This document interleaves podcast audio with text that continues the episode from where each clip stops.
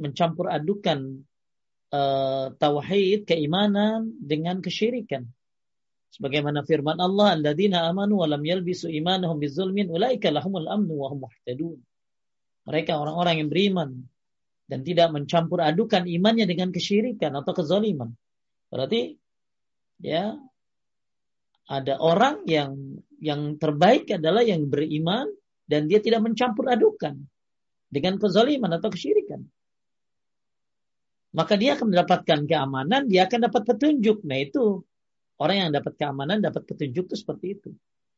Tapi ketika ada orang yang mengatakan la ilaha illallah, dia mengaku bertauhid kepada Allah Subhanahu wa taala. Akan tetapi dia masih percaya terhadap kesyirikan, terhadap ramalan bintang dan lain sebagainya. Berarti dia mencampur. Mencampur tauhidnya maka lillahi dinul khalis. Milik Allah lah agama yang murni. Murni dari apa? murni dari kesyirikan.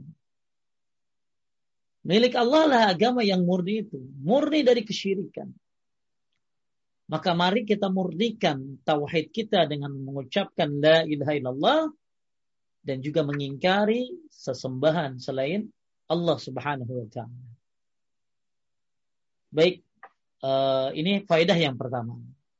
Tidak cukup hanya mengucapkan la ilaha illallah agak kaget juga kan ketika ada ibu-ibu bilang begini. Tat, dia kagak sholat, tapi kok akhir hayatnya ngucapin la ilaha illallah. ya, ya, dia ngucapin la ilaha illallah. Dia kagak sholat, tapi ngucapin la ilaha illallah. Maka jawaban kita ini. Ya, apa tadi? Nah ini hadisnya jawabannya.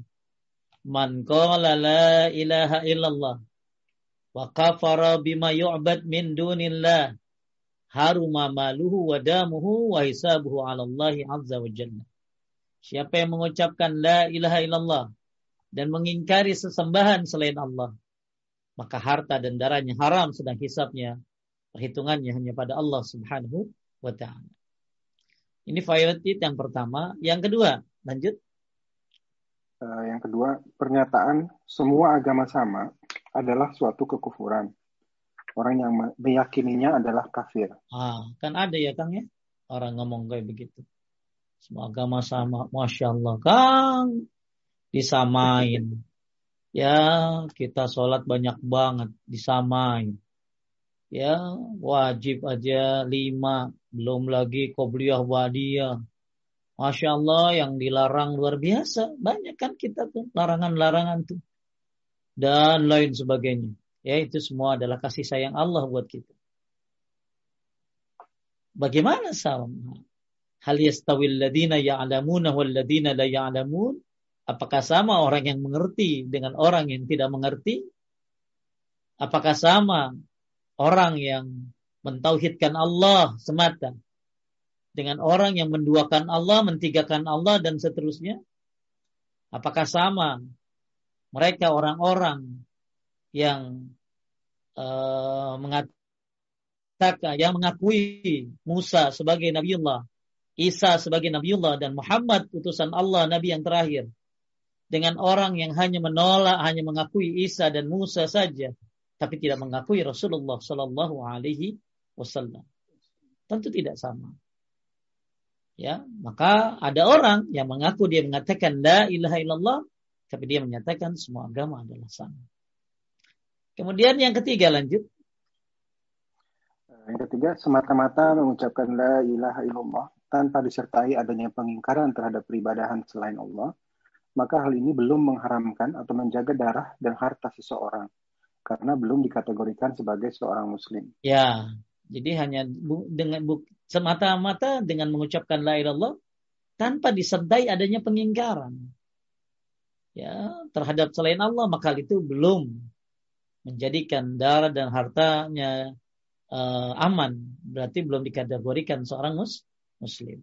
Ingat ya buat semuanya jemaah semuanya kajian rumah dakwah paduka ya bagus kita mengucapkan sering-sering la ilaha illallah. Karena itu kebaikan nih afdalul hasanat sebaik-baiknya kebaikan adalah la ilaha illallah Kemudian juga banyak sekali zikir-zikir yang Anda baca la ilaha illallah. Tapi bukan hanya sekedar mengucapkan, tapi juga mengingkari. La ilaha illallah ada di dalam perbuatan kita, ada di dalam keyakinan kita, dan ada di dalam ucapan kita, dan kita juga mengingkari sesembahan selain Allah. Kemudian yang keempat, Yang keempat, pada pada asalnya harta seorang muslim tidak boleh diambil kecuali yang diwajibkan oleh syariat seperti zakat. Dan seorang muslim tidak boleh ditumpahkan darahnya kecuali yang ditetapkan oleh syariat seperti zina setelah menikah, murtad atau kisos karena membunuh orang muslim lainnya. Ya, jadi nggak boleh e, diambil harta kecuali sesuai syariat ya zakat ya, zakat ya. Hmm. Malah yang nggak bayar zakat ya boleh diambil hartanya ya di zaman dulu tuh seperti itu. Dan boleh ditumpahkan darahnya apabila memang ada syariatnya seperti kisos orang yang membunuh maka dibunuh lagi. Ya atau dia bayar bayar denda atau dimaafkan kemudian apalagi orang yang murtad tapi yang melakukan bukan kita ya yang melakukan adalah ulil ulil amri Kemudian juga orang yang zina, ada zina muhsan, ada ghairu muhsan. Ada zina yang sudah nikah sama yang zina yang belum nikah. Kalau zina yang sudah nikah, maka ya dirajam. Nah, ini hukum asal uh, sebuah hukum yang tidak boleh seorang mengambil harta seorang muslim kecuali yang kalau syariat ya zakat. Ya, itu juga ada petugasnya. Dan tidak boleh kita menumpahkan darah kecuali yang ditetapkan oleh syariat. Ya, seperti tadi zina, ya. Zina muhsan. Kemudian orang yang murtad, kemudian orang yang membunuh orang muslim. Kemudian yang kelima, kita menghukumi seorang sesuai dengan lahiriahnya. Adapun isi hatinya diserahkan kepada Allah Azza wa Jalla. Baik, ini sangat penting di poin terakhir daripada mencintai Allah Subhanahu wa taala. Ya, nanti kita bahas bagaimana kesimpulannya. E, bahwa buka pentingnya kita ya mengucapkan la ilaha illallah tapi juga mengingkari sembahan selain selain Allah. Nah, itu intinya dari pembahasan pembahasan ini. Jadi tidak hanya mengucapkan la ilaha illallah tapi juga mengingkari ya sesembahan selain Allah. Kemudian manusia hanya dilihat dari segi apa tadi kan? Lahirnya, ya, lahirnya. Masalah batinnya, kalau dia udah ngucapin la ilaha illallah. Kemudian dia mengatakan bahwa oh uh, tidak ada pokoknya nggak ada sesembahan selain Allah, hanya Allah yang berhak disembah. Tapi hatinya gimana? Kita serahkan kepada Allah Subhanahu wa taala. Baik. kita lihat uh, kandungannya mungkin ya, kandungan bab ini. Taib kita baca bang, Kang di akhir kandungan bab ini. Kandungan, kandungan bab ini mengandung masalah yang paling besar serta paling mendasar, yaitu tafsiran tauhid dan tafsiran syahadat. Masalah tersebut diterapkan dalam bab ini dengan beberapa hal yang cukup jelas. Di antaranya, satu, ayat dalam surah Al-Isra, di dalam ayat ini Allah Ta'ala menjelaskan bantahan terhadap kaum musyrikin yang berdoa atau meminta kepada orang-orang soleh. Maka itu dalam ayat di atas terdapat penjelasan bahwa perbuatan mereka itu adalah syirik akbar. Ya, tidak boleh meminta kepada orang-orang soleh yang sudah mati ya. Maka itu ayat uh, di surat Al-Isra ya. Kalau boleh mungkin saya dari awal nih kan saya coba ini ini biar paham banget uh, bab ini ya. Yang pertama ayatnya ini nih Al-Isra ayat 57. Ulaika alladziina yad'una yabtaguna ila rabbihimul wasila ayyuhum aqrabu yarjuna rahmatahu wa yakhafuna 'azabu inna 'azaba rabbika kana mahzura. Kita coba closing biar pada pinter dengan kita coba dari awal. Orang-orang yang mereka seru itu, mereka sendiri mencari jalan kepada Rabbnya. Siapa di antara mereka yang lebih dekat kepada Allah, mereka mengharapkan rahmatnya dan takut akan azabnya. Semuanya azab Rabbmu itu sesuatu yang harus ditakuti. Jadi ada yang menyebutkan ini ayat tentang apa? Orang manusia yang nyembah jin. Jinnya udah masuk Islam, Ya, akan tetapi manusia-manusia yang menyembah jin ini masih tetap saja beribadah kepada jin tersebut. Padahal jinnya sudah masuk Islam. Ya, ini kata Ibnu Mas'ud radhiyallahu an. Ayat ini surat Al-Isra ayat 57 bahwa uh, dahulu terdapat sekelompok manusia yang menyembah jin. Nah, jinnya masuk Islam, tapi penyembah-penyembahnya ini masih aja nyembah padahal jinnya yang disembah itu udah taubat dia. Dan ayat ini juga secara global uh, menerangkan tentang orang-orang yang mereka seru itu. Banyak orang menyuruh-nyuruh selain Allah. Ya ya Syekh Abdul Qadir Jailani. Padahal Syekh Abdul Qadir Jailani sendiri mencari jalan kepada Rabb mereka kepada kepada Allah. Syekh Abdul Qadir Jailani sedang mencari jalan kepada Allah. Ya siapa yang paling dekat dengan Allah dan mengharapkan rahmat dan takut azabnya maka buat apa kau memanggil mereka orang-orang yang sudah mati ya Syekh Salman ya padahal Syekh Salman sudah meninggal Buat apa kau memanggil dia? Berdoa syaratnya hanya membaca apa? Hamdalah. Baca solawat. Kemudian Anda silakan memohon kepada Allah. Baca solawat supaya doamu naik ke atas. Tapi ada orang yang berdoa dengan memanggil orang-orang yang mati. Bertawasul dengan orang-orang yang mati. Bahkan mereka minta sembuh kepada orang yang mati, padahal yang mati itu dulu matinya juga sakit. Kenapa dia minta kepada yang mati? Maka jangan pernah sebut nama selain Allah. Kecuali apa yang disebutkan disyariatkan yaitu membaca salawat dan salawat juga menyebutkan Allah. Allah salli ala Muhammad. Maka orang-orang yang menyuruh selain Allah, mereka sendiri mencari jalan menuju Rabb mereka. Ini ayat yang pertama surat Al-Isra ayat 57 tentang orang-orang yang menyembah jin. Jadi orang nyembah jin itu udah ada dari dulu ya. Orang nyembah jin itu udah ada dari dari dulu. Gimana zaman sekarang? Ya, makin keren kali jinnya. Makin banyak sekali ya uh, termasuk ya mereka seperti mengagungkan Roro Kidul dan lain sebagainya. Kemudian ayat yang kedua Wa qala Ibrahim li abihi wa qaumihi innani bara'u mimma ta'budun illa alladhi fatarani fa innahu sayahdin waj'ala kalimatan baqiyatan fi aqibihi la'allahum yarji'un. Artinya kan?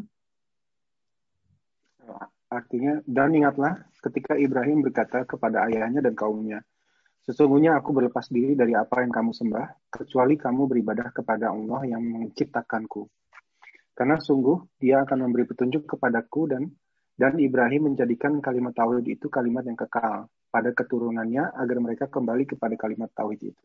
Ya, maka hendaklah kita mencontoh Nabi Ibrahim alaihissalam yang menjadikan kalimat apa? La ilaha illallah, ya, kalimat yang kekal dan mengajarkan pada keturunannya. Hendaklah kita mengajarkan juga kepada anak-anak kita kalimat la ilaha illallah. Kemudian uh, ayat yang terakhir uh, yang kemarin kita bahas ya. Ittakhadhu ahbarahum wa rahbanahum arbaba min dunillahi wal masih ibn maryam. Wa ma umiru illa liya'budu ilahan wahidan. La ilaha illa huwa subhanahu wa amma yusyrikun mereka menjadikan orang-orang alim dan rahib-rahibnya sebagai Tuhan selain Allah dan juga Al-Masih putra Maryam. Padahal mereka hanya disuruh menyembah Allah yang Maha Esa. Tidak ilah yang berhak dibadahi dengan benar selain dia maha suci dari apa yang mereka persekutukan. Terakhir ini kita sudah bahas di uh, minggu yang lalu tentang bahwa uh, mereka tidak menyembah alim-alim itu tidak sujud kepada mereka ya. Jadi orang uh, umat-umat Yahudi dan Nasrani ini tidak sujud kepada orang alimnya dan tidak sujud kepada rahib-rahibnya. Akan tetapi mereka mengikuti pendapat-pendapat yang salah dari rahib-rahibnya dan pendapat-pendapat yang salah dari orang-orang alim. Seperti halnya Allah mengharamkan, mereka menghalalkan. Dan umatnya mengikutinya. Nah ini berarti inilah bentuk penyembahan mereka. Berarti mereka orang-orang Yahudi ini ya dan orang-orang Nasrani ini alim-alimnya dan rahib-rahibnya menjadi sekutu bagi Allah karena halal haram adalah Allah yang menentukan. Jadi bentuk penyembahan Syaratnya adalah dengan mengikuti apa yang salah dari rahim-rahimnya. Seperti menghalalkan yang haram dan mengharamkan yang halal. Kemudian uh, ayat yang kemarin sudah kita bahas wa minan nasi may yattakhidhu min dunillahi andadan yuhibbunahum ka'ubillah walladzina amanu ashaddu hubbalillah. Dan di antara manusia ada orang yang menyembah Tuhan selain Allah sebagai tandingan yang mereka cintai seperti mereka mencintai Allah. Adapun orang yang beriman sangat besar cintanya kepada Allah. Kemarin sudah kita bahas ada cinta beberapa macam cinta. Ya. Ada beberapa macam cinta, ada cinta tabiat, ada cinta syahwat, ya, dan ada cinta yang memang harus yaitu kepada Allah Subhanahu wa taala. Maka orang-orang beriman ya asyaddu hubban lillah, ya, uh, syaddu hubban lillah, maka orang-orang beriman adalah orang-orang yang sangat-sangat cinta kepada Allah Subhanahu wa taala. Sedikit saya tambahkan tentang uh, mencintai Allah ini. Sebagaimana yang disebutkan oleh Ibnu Qayyim, ada beberapa hal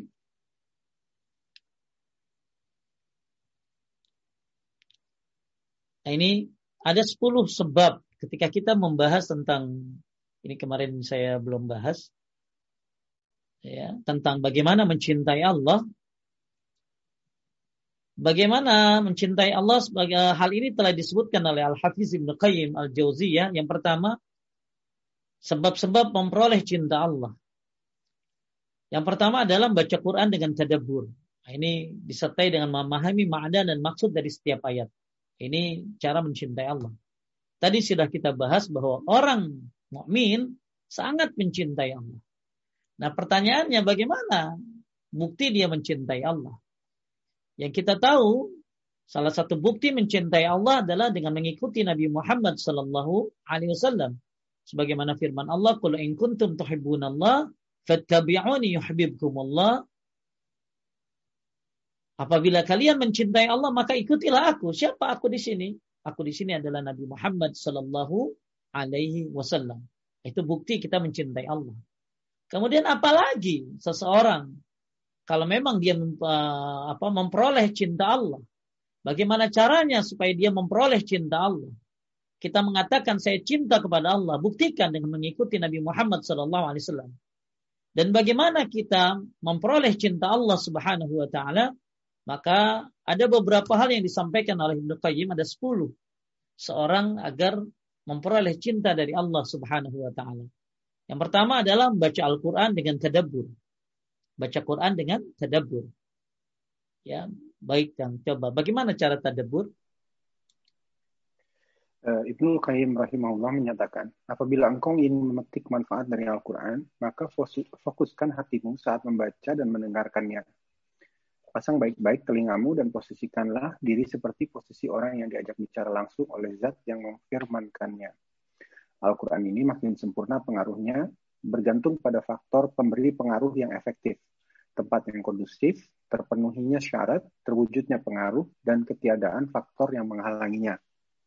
Semua ini telah terkandung dalam firman Allah yang artinya sesungguhnya pada yang demikian itu benar-benar terdapat peringatan bagi orang-orang yang mempunyai hati atau yang menggunakan pendengarannya sedang dia menyaksikannya. Masya Allah. Ya, jadi poin yang pertama ini baca Quran dengan tadabbur, bukan hanya sekedar baca ya Kang ya, tapi juga tadab tadabbur.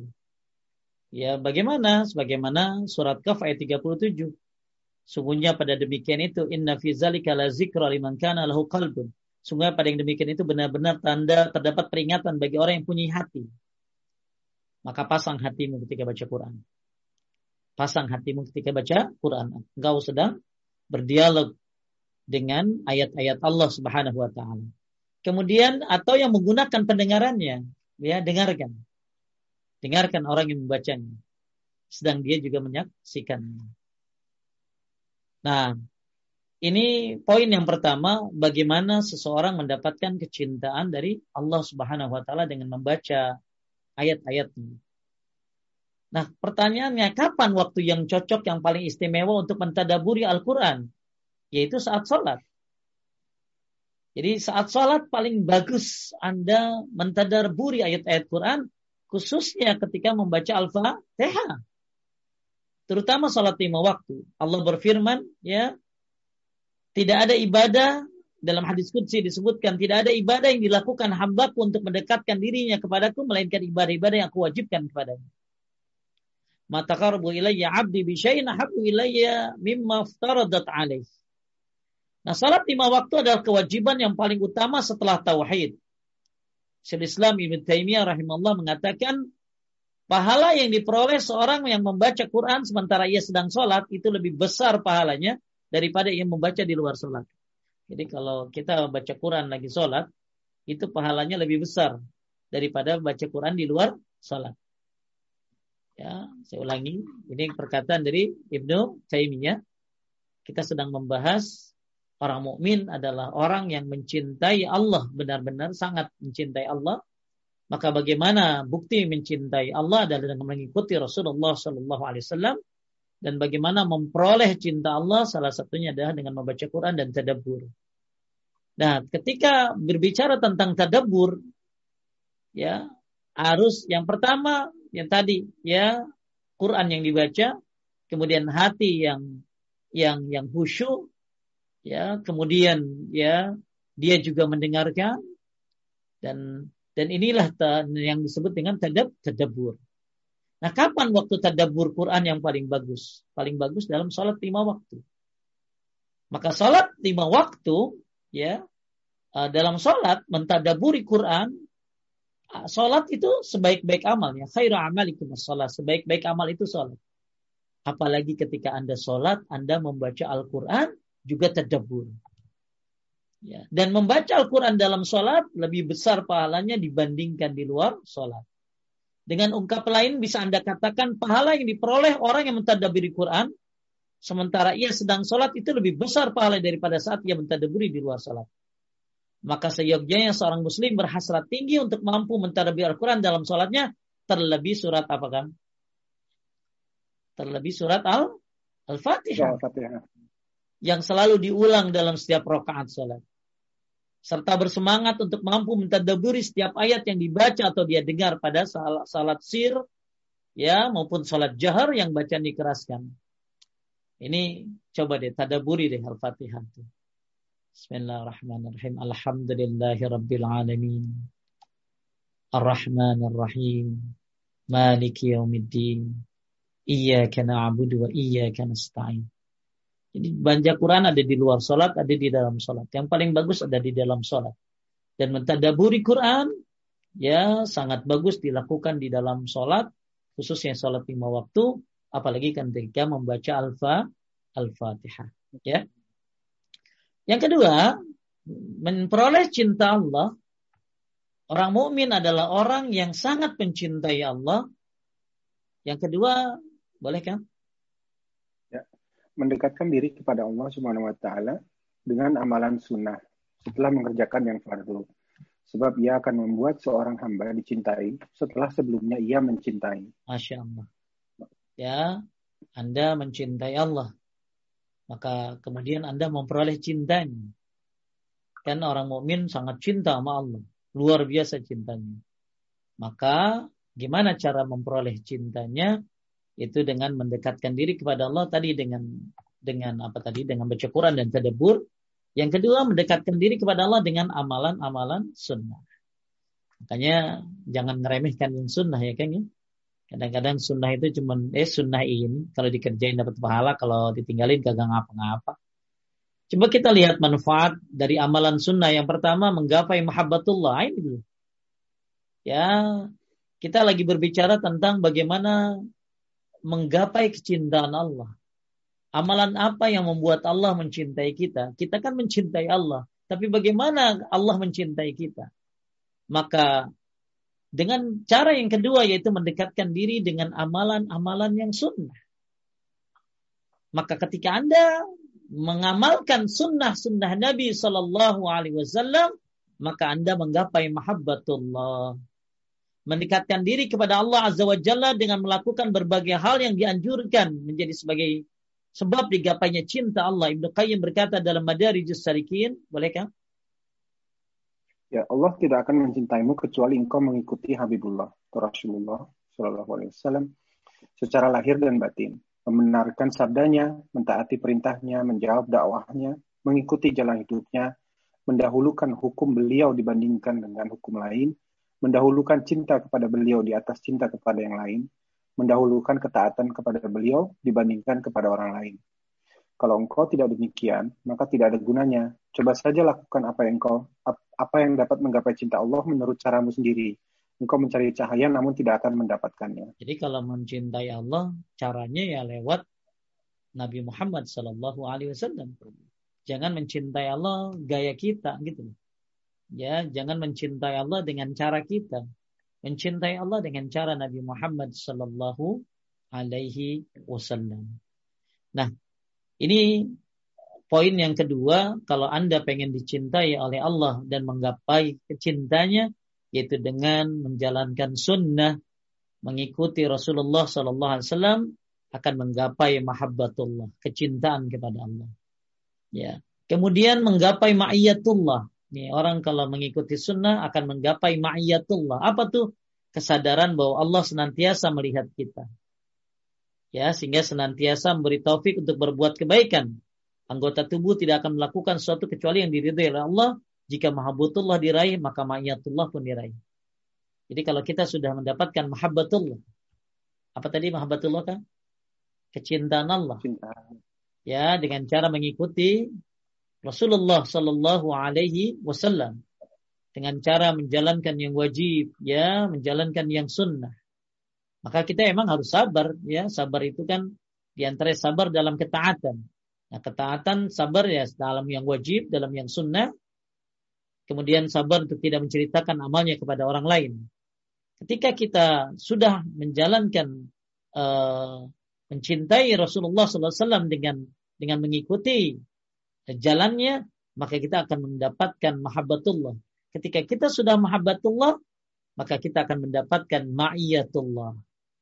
Ya, nah ini ma'iyatullah ini didapatkan setelah kita mahabbat mendapatkan mahabbatullah, kecintaan kepada Allah. Kemudian yang ketiga dikabulkan doa-doa yang menunjukkan kecintaan kepada Allah. Barang siapa yang mendekatkan diri kepada Allah Azza wa Jalla dengan melakukan berbagai hal yang dianjurkan, yang mendapat kecintaan Allah. Dan jika kecintaan Allah telah diraih, doa pun akan dikabulkan. Masya Allah. Ya, ini hadisnya. Jadi makin kalau anda sudah mendapatkan dapatkan kecintaan Allah, maka doa pun akan dikabulkan. Jadi yang disebut uh, waliullah itu orang yang dicintai Allah. Kan? Waliullah itu bukan orang yang aneh-aneh. Waliullah itu orang yang dicintai oleh Allah. Kenapa dia dicintai Allah? Karena menjalankan yang wajib dan yang sunnah. Ya. Nah di sini ada hadis ketika kita mengikuti um, mendapatkan mahabbatullah dengan mencintai Rasulullah Sallallahu Alaihi Wasallam menjalankan sunnah-sunnahnya, maka akan dikabulkan doa-doa. Ini, ini dalil. Ya, ya. Sesungguhnya Allah berfirman. Di sini ada ada yang saya kuningin. Bila ia meminta kepadaku, aku akan mengabulkannya.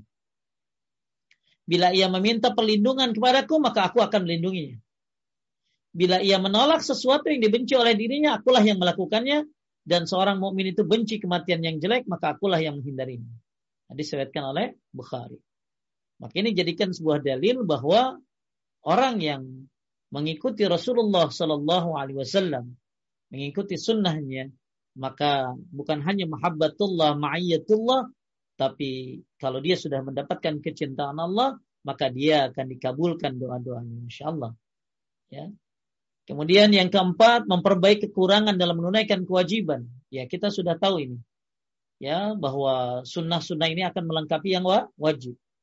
Ya, salat-salat sunnah akan melengkapi salat-salat yang wajib yang kurang. Sedekah akan melengkapi zakat. Umroh akan melengkapi haji. Kemudian uh, apalagi puasa sunnah akan melengkapi yang wajib dari puasa Ramadan. Ya, maka sunnah ini bukan hanya menyebabkan kita mendapatkan kecintaan Allah dan ma'ayatullah dan dikabulkan doa, tapi juga memperbaiki kekurangan dalam penunaian kewajiban yang diwajibkan kepada kita. Kemudian menghidupkan hati orang yang menjaga senantiasa menjaga sunnah, ya Allah akan menghidupkan hatinya. uh, kemudian terjaga dari melakukan bid'ah, ya, bagi pengikut sunnah masih banyak lagi buah yang didapat. Ibnu Taimiyah dalam Al-Qaidah Al-Jaliyah berkata, barang siapa mengikuti Rasulullah sallallahu alaihi wasallam, maka Allah akan mencukupkannya, memberinya hidayah, menolongnya dan melimpahkan rizki kepadanya. Masya Allah. Ini bagus nih Kang ya. Ya, apalagi ada masalah rizki nih ya Bang Kang. Ini ditaruh di ini nih ya di chatting buat ibu-ibu seneng nih. Makin cinta sama sunnah. Ya, saya taruh di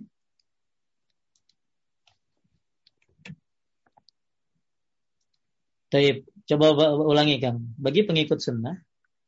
Bagi pengikut sunnah masih banyak lagi buah yang didapat. Ibnu Taimiyah dalam Al-Qaidah Al-Jaliyah berkata, artinya barang siapa mengikuti Rasulullah Shallallahu Alaihi Wasallam, maka Allah akan mencukupkannya, memberinya hidayah, menolongnya dan melimpahkan rezeki kepadanya. Ya, fallahu kafiyahu wa hadiyahu wa nasurahu wa rasikahu. Ya, Allah akan mencukupkannya, memberinya hidayah, menolong dan melimpahkan rezeki kepadanya. Masya Allah berbahagialah orang-orang yang mencintai Rasulullah Sallallahu Alaihi Wasallam dengan cara menjalankan sunnah-sunnahnya, ya maka dia akan mendapatkan kecintaan Allah, mendapatkan ma'iyatullah, ya menyempurnakan yang wajibnya, dikabulkan doanya, dan terjaga dari melakukan bid'ah dan terlalu banyak keutamaan mengikuti Rasulullah Sallallahu Alaihi Wasallam. Maka Ibnu Qayyim mengatakan barang siapa mengikuti Quran dan Sunnah mengalahkan egonya dan pendapat-pendapat orang, ia berhijrah kepada Allah dengan sepenuh hati maka dia Allah orang yang benar. Baik, itu poin yang kedua, bagaimana mendapatkan kecintaan Allah dengan cara menjalankan sunnah-sunnah Rasulullah Sallallahu Alaihi Wasallam. Yang ketiga, lanjutkan. Yang ketiga, terus-menerus mengingatnya dalam seluruh keadaan dengan lisan, kalbu, dan amalan. Dengan ini, seorang hamba akan memperoleh cintanya, seukuran dengan seberapa sering ia mengingat zat yang dicintai. Ya, kalau kita mencintai seorang kan sering nyebut kan? Betul. Kalau kita mencintai seseorang sering nyebut. Kalau kita mencintai Allah maka sering menyebutnya. Ya, di mana? Ya, di lisan. Maka rutin kita sering-sering berzikir. Ya, seperti kalimat-kalimat yang dicintai Allah. Seperti apa kalimat yang dicintai Allah? Subhanallah walhamdulillah wala ilaha illallah wallahu akbar. Sering-sering kita mengucapkan ini. Ya, subhanallah walhamdulillah wala ilaha illallah wallahu akbar. Bahkan Siapa yang suka mengucapkan kalimat ini lebih baik daripada apa bagi Nabi lebih baik daripada apa yang tersinarkan oleh matahari. Maksudnya lebih baik daripada dunia dan seisinya. Kita tahunya kan kalau qobliyah subuh lebih baik daripada dunia dan seisinya. Sebenarnya orang yang mengucapkan apa tadi? Subhanallah, Alhamdulillah, wala ilaha illallah, wallahu akbar. Ini masya Allah. Ya, keutamaannya ya seperti apa tadi? Seperti lebih baik daripada apa yang tersinarkan oleh oleh matahari. Makanya uh, ketika seseorang uh, yang suka mengucapkan zikir dengan lisan, ya, nah, zikir lisan di antaranya adalah dua kalimat. Jadi tadi sudah ya, subhanallah, walhamdulillah, wala ilaha illallah, wallahu akbar. Itu adalah kalimat, empat kalimat yang dicintai oleh Allah subhanahu wa ta'ala bahkan lebih baik daripada dunia dan seisinya. Bahkan e, terlalu banyaklah keutamaan membaca zikir itu, ya. Sampai-sampai Umuhani, Umuhani itu ya udah tua ya kan. Tapi minta agar diberikan zikir, ya, zikir yang yang apa padahal sudah tua tapi berharap dikasih zikir sama Nabi Sallallahu Alaihi Wasallam. Nah, akhirnya Nabi menyuruh dia untuk apa? Ya, dia baca zikir subhanallah 100, alhamdulillah 100, ya. Kemudian Allahu akbar 100, ya.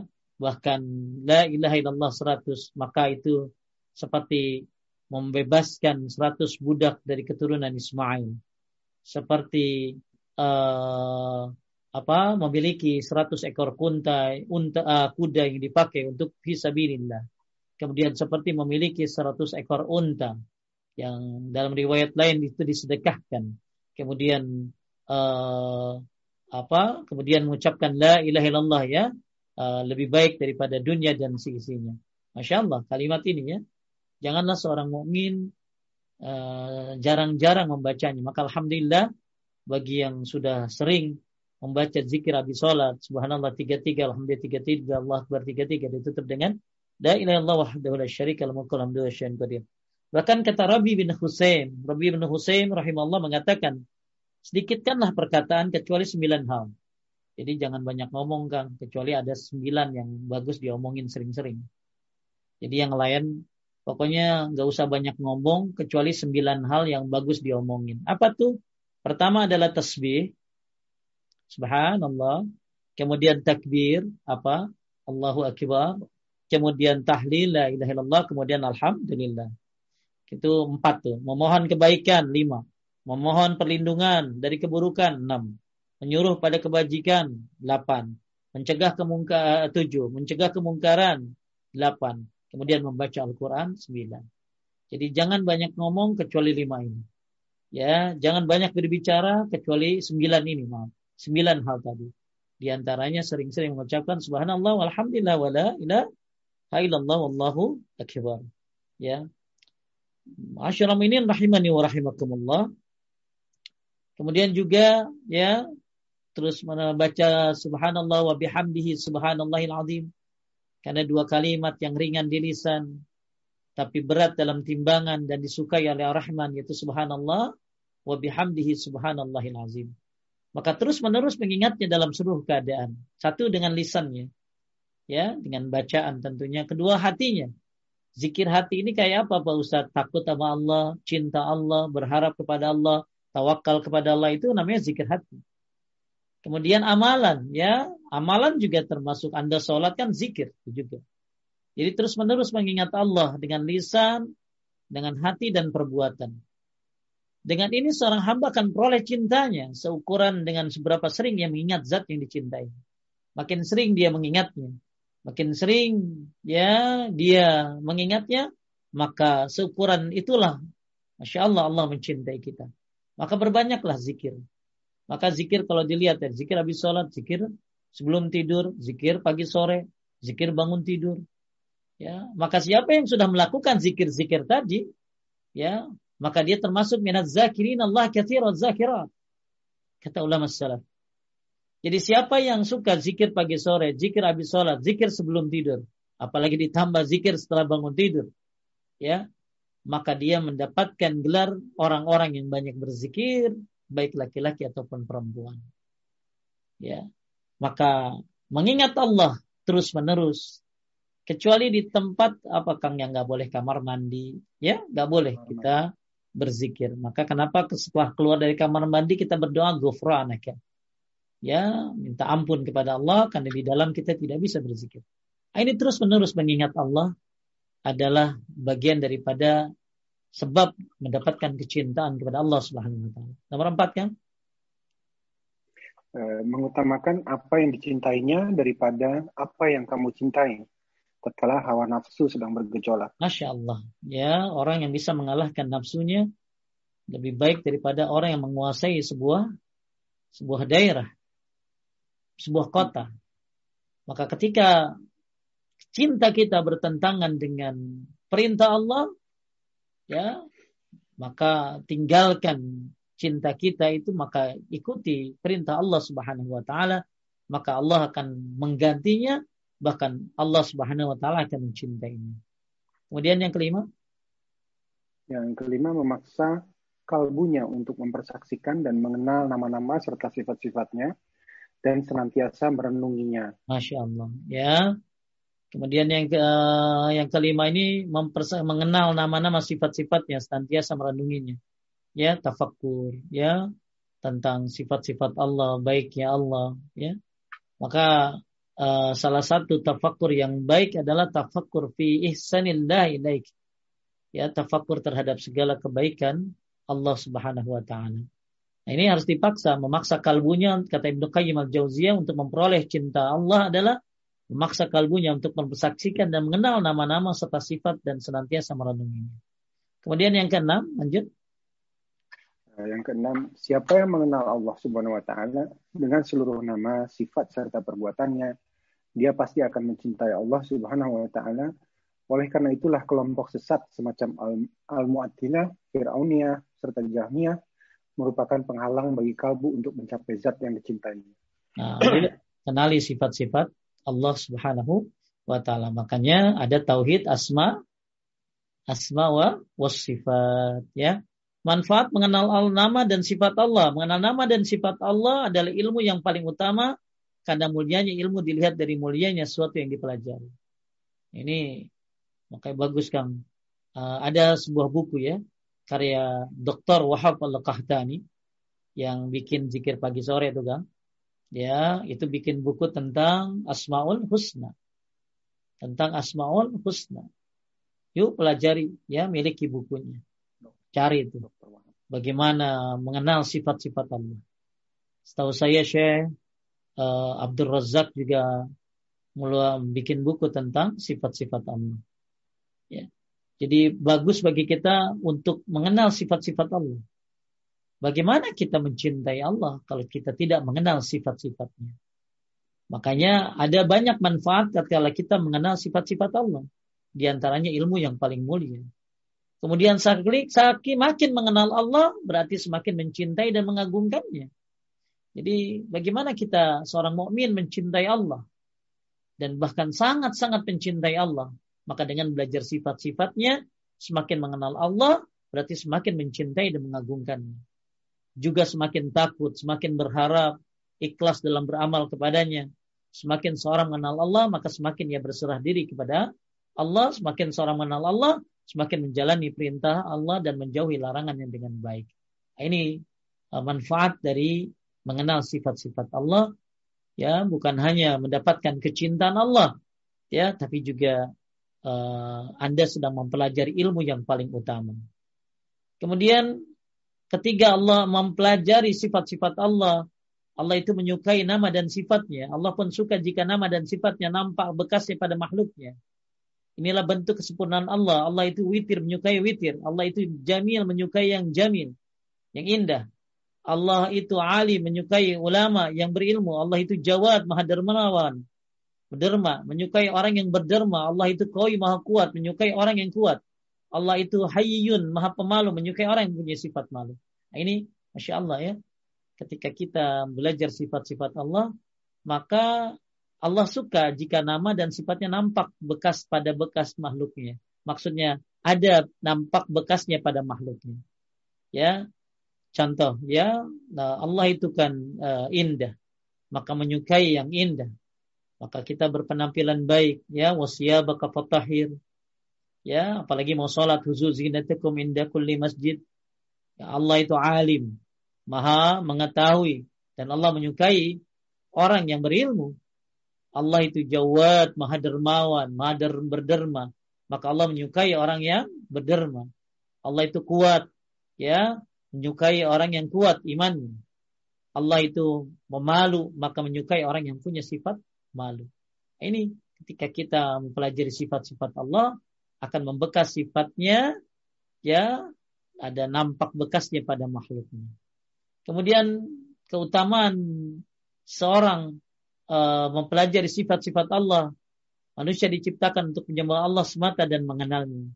Maka dengan mempelajari sifat-sifatnya kita akan mengenal Allah Subhanahu wa taala ya karena uh, Allah adalah pencipta kita. Sebagaimana ayat yang sering kita baca wa makhalaqtul jinna wal insa illa liya'budun. Baik banyak sekali ya keutamaan-keutamaan mengenal sifat Allah. Ya, Uh, mana Allah akan menenangkan jiwa dan melapangkan hati juga memberikan surga firdaus hingga rindu terlihat uh, melihat wajah Allah yang mulia. Ya masya Allah ya. Orang makin mengenal sifat Allah, makin merindukan surga firdaus dan pengen melihat wajah Allah Subhanahu wa taala. Kemudian mengenal sifat Allah adalah sebagai motivasi yang kuat dalam sabar. Semangat dalam ibadah, jauh dari kemalasan, takut berbuat dosa, dan penghibur duka. Ini al-inwan ya kan kalau orang belajar sifat-sifat Allah. Ya, insyaallah kita nanti belajar sifat-sifat Allah. Maka tadi rekomendasi dari saya Coba cari buku karya Dr. Wahab Al-Qahtani dari pustaka Imam Syafi'i ya tentang uh, apa nama-nama Allah ya Asmaul Mustasyarah Asmaul Husna. Ya syarah Asmaul Husna. Ya, Anda akan lihat di situ nama-nama Allah, sifat-sifatnya disyarah oleh uh, beliau dan insya Allah dengan membaca kitab tersebut akan tambah kecintaan kita kepada Allah Subhanahu wa taala. Bukan hanya sekedar aku mencintai Allah kan ada orang statusnya Kang Allah lagi, Allah terus, Allah mulu. Ya, luar biasa statusnya. Tapi nggak tahu sifat-sifat Allah. Ya, nggak tahu bagaimana cara mencintai Allah. Jauh dari sunnah. Gimana Anda mengat? Anda mencintai Allah kalau jauh dari sunnah Nabi Shallallahu Alaihi Wasallam. Ya. Kemudian yang ketujuh, ya, kata Ibnu Qayyim al-Jauziyah, bagaimana mendapatkan kecintaan Allah Subhanahu wa taala adalah dengan menyaksikan dan mengakui seluruh kebaikan dan nikmatnya yang lahir ataupun batin. Boleh dibacakan? Ya, uh, ini yang paling mengagumkan, yaitu hancur luluhnya kalbu di hadapan Allah Subhanahu wa taala dan merasa tidak berdaya sama sekali di hadapannya. Tidak ada kesombongan sedikit pun karena ia menyadari bahwa dirinya tidak ada apa-apanya di hadapan kebesaran dan kekuasaan Sang Pencipta. Masya Allah. Ya, uh, menyaksikan, mengakui seluruh kebaikan dan imat ya lahir dan batin. Ini masya Allah ya, kita tidak berdaya sama sekali di hadapan, tidak ada kesombongan bahwa kita bukan apa-apa ya di hadapan Allah Subhanahu wa taala. Kemudian yang delapan berduaan dengannya di waktu turunnya. Ini cara kata Ibnu Qayyim al-Jauziyah, cara memperoleh kecintaan Allah. Setelah nomor tujuh menyaksikan dan mengakui seluruh kebaikan dan nikmatnya lahir dan batin. Kita akui nikmat Allah banyak banget ya. Ya, sampai masalah Covid aja nikmat Allah banyak banget itu. Ya, sampai hal-hal yang bersifat musibah aja masih ada nikmatnya yang tersembunyi yang manusia kalau menyadari bahwa banyak sekali hikmahnya. Bahkan uh, di dalam sakit pun banyak sekali uh, hikmah-hikmahnya. Maka kita harus menyaksikan dan mengakui seluruh kebaikan Allah dan nikmatnya lahir ataupun batin. Makanya bagi yang suka mendapatkan nikmat Allah yang masih hidup sekarang, yang masih sehat sekarang, kemudian maksiat, nah ini hati-hati. Kata Ibnu Qayyim al-Jauziyah, eh, kemaksiatan yang dilakukan setelah mendapatkan kenikmatan itu lebih berbahaya daripada bermaksiat sebelum datang kenikmatan. Paham kan? Orang yang bermaksiat setelah mendapatkan kenikmatan itu lebih berbahaya daripada orang yang bermaksiat sebelum datang kenikmatan. Alhamdulillah kita dikasih oleh Allah kenikmatan bisa dapat Ramadan, dapat Syawal, ya Zulqa'dah, sebentar lagi masuk Zul Hijjah, Masya Allah. Ya, nikmat Allah yang luar biasa. Maka hendaklah kita tidak iringi nikmat ini dengan kemaksiatan. Karena terlalu banyak yang nikmat yang Allah berikan. Kemudian berduaan dengannya di waktu Qiyamul Lail, ya maksudnya ketika Allah turun ke langit dunia untuk bermunajat kepadanya, membaca kalamnya, kemudian menutupnya dengan istighfar dan tobat. Masya Allah. Jadi orang yang mencintai Allah dan ingin memperoleh cintanya, maka hendaklah rajin berduaan ya kan. Rajin kiamun lail. Ya, kemudian berdoa, baca Al-Qur'an, baca Al-Qur'an di malam hari. Kemudian menutup malamnya dengan istighfar sampai masuk subuh. Wal mustaghfirina bil ashar. Kemudian yang sembilan bermajlis dengan orang yang mencintainya dan jujur dalam keimanannya serta memetik buah yang indah dari ucapan mereka sebagaimana buah yang bagus akan selalu dipilih daripada selainnya. Ya, pasti ada orang-orang yang uh, uh, apa yang saleh ya, yang akidahnya bagus, akhlaknya bagus, maka baguslah kita bermajlis dengan mereka. Terakhir kata Ibnu Qayyim, cara mendapatkan cinta Allah dengan menjauhi segala sebab yang dapat memisahkan kalbu dari Allah Subhanahu wa taala. Ya, Nah ini apa sih kalau Allah sudah cinta apa yang Allah lakukan? Baik Kang, lihat Kang. Sungguh apabila uh, sungguh sungguh apabila Allah Subhanahu wa taala telah mencintai seorang hamba, Allah akan memanggil Jibril lalu berkata, Wahai Jibril, sungguh aku telah mencintai Fulan, maka cintailah dia. Jibril pun mencintai si Fulan, kemudian menyeru para penduduk langit. Sungguh Allah telah mencintai Fulan, maka cintailah dia. Para penduduk langit pun kemudian mencintainya. Lalu dijadikanlah rasa cinta itu pada hati para penduduk bumi. Masya Allah. Jadi kalau Allah sudah mencintai seorang hamba, Allah akan panggil Jibril. Maka Jibril pun akan mencintai orang yang dicintai Allah. Kemudian Jibril ini kan pimpinan kan. Nyuruh seluruh malaikat untuk mencintai si fulan. Maka seluruh penduduk langit ya uh, menyapa akan mencintai fulan. Dan para penduduk langit kemudian mencintai. Ya maka jadikanlah rasa cinta itu pada hati penduduk masya Allah. Nah, ini uh, efek ketika Allah mencintai seorang hamba. Kita semua mencintai Allah dan kita mengaku semua mencintai Allah bahkan asyaddu hubbalillah cinta kepada Allah sangat sangat dan sangat. Maka gimana caranya untuk memperoleh cintanya? Ya jadi jangan sampai sebelah ini ya bertepuk sebelah tangan ya kan ya kita mencintai Allah tapi Allah tidak mencintai kita karena tidak kita tidak melakukan hal-hal yang membuat Allah cinta. Nah, ini oleh Ibnu Qayyim disebutkan ada 10 tadi. Hal-hal yang membuat Allah cinta. Kita ulang dari nomor 10 menjauhi segala sebab yang mendapat memisahkan kalbu dari Allah Subhanahu wa taala. Kemudian bermajlis dengan orang yang mencintai Allah, berduaan dengannya di waktu turunnya, kemudian menyaksikan dan mengakui segala seluruh nikmatnya, ya kemudian mempelajari sifat sifatnya mengenal Allah dengan seluruh nama sifatnya perbuatannya. Ya maka ayo belajar sifat-sifat Allah. Ya belajar sifat-sifat Allah. Karena itu ilmu yang paling mulia.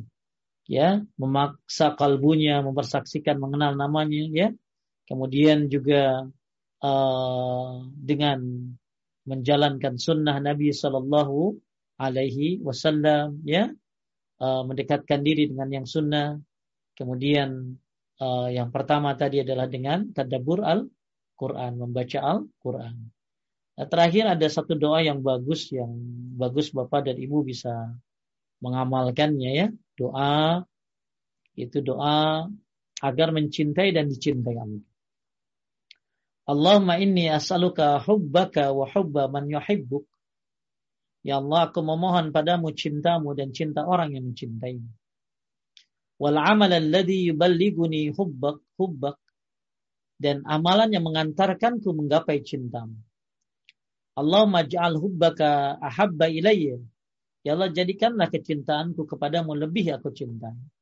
Min nafsi daripada diri daripada dicinta pada diriku sendiri wa ahli keluargaku wa minal ma'il barid dan daripada air yang dingin.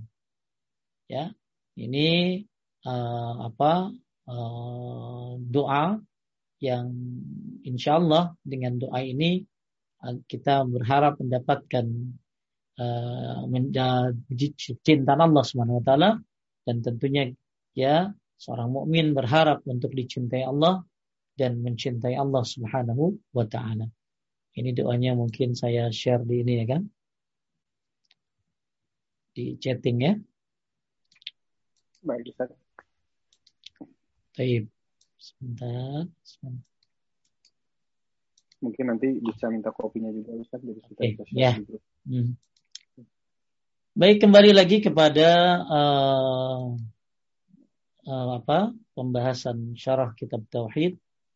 Ini dalil yang keempat tentang orang-orang uh, mukmin yaitu sangat besar cintanya kepada Allah Subhanahu wa taala dan kita sudah bahas tentang macam-macam cinta. Kemudian terakhir tadi sudah kita bahas di awal ya pembahasan dari bab 6 ini tentang uh, bukan hanya kita mengucapkan la ilaha illallah saja tapi juga harus mengingkari sesembahan selain Allah Subhanahu wa taala. Man qala la ilaha illallah wa kafara bima yu'bad min dunillahi haruma maluhu wa damu wa isabuhu 'ala Allah azza wa jalla. Taib kan? Itu saja yang bisa disampaikan. Mungkin ada yang menanya. Alhamdulillah, alhamdulillah, alhamdulillah. Uh, kita langsung ke sesi tanya jawab. Ini ada yang sudah mengangkat tangan, Ibu Cici Maulina. Saya persilahkan untuk di unmute.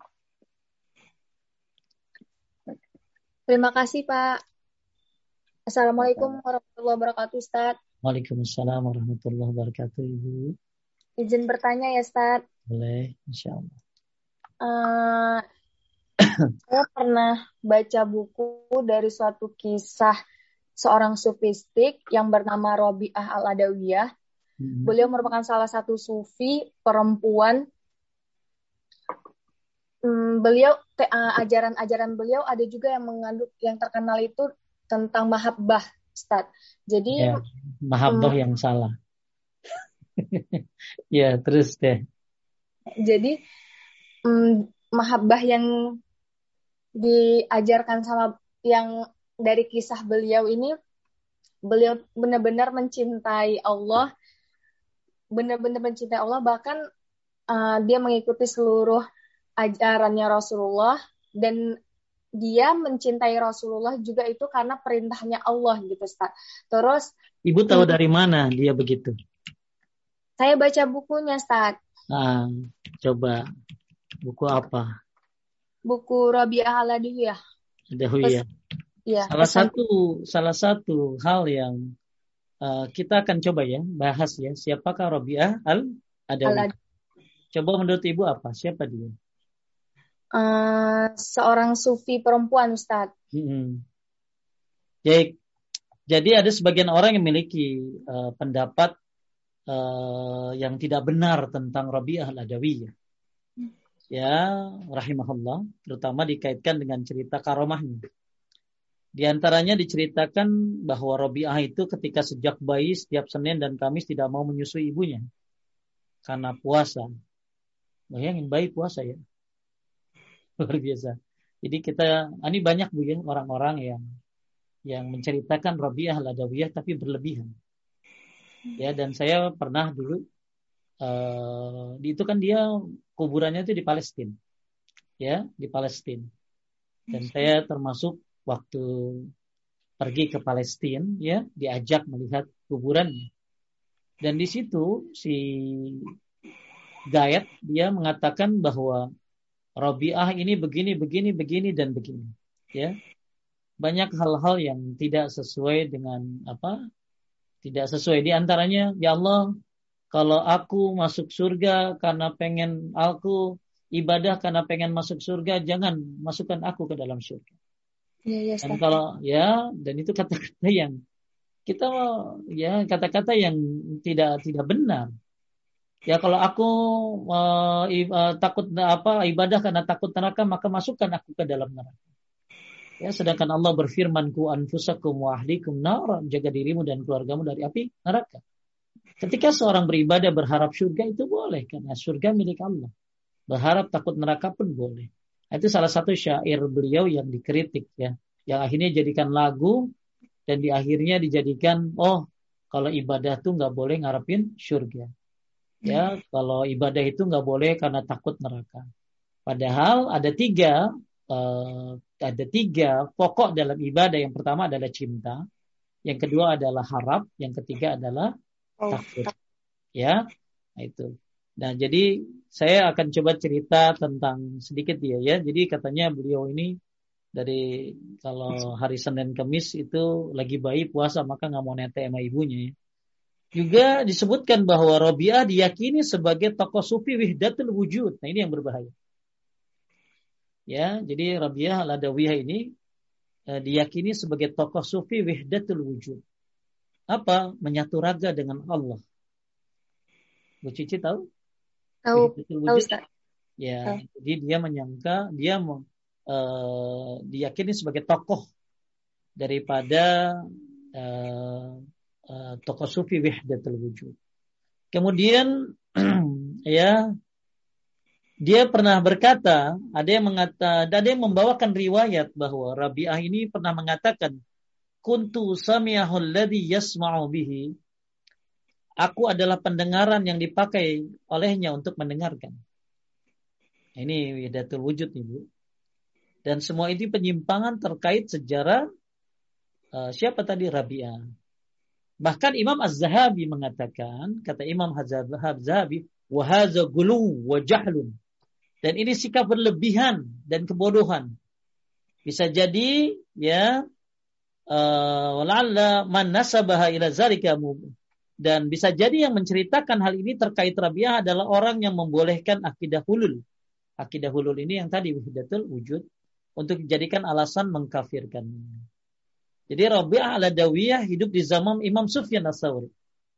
Ibu, Rabi'ah termasuk wanita ahli ibadah. Jadi dia ini bagus Bu ya sebenarnya ya. Cuman cerita-ceritanya yang gak bagus itu dikembangin sama siapa gitu loh. Paham Bu Cici? Paham Ustaz. Ya, jadi Bu Rabiah ini solehah ya. Cuma cerita-cerita yang berlebihannya ini dikembangin oleh orang-orang yang tidak bertanggung jawab. Hmm. Ya, maka Rabiah ada termasuk ahli ibadah. Bahkan zuhud dan selalu khusyuk dan sering memberikan penjelasan tentang hikmah.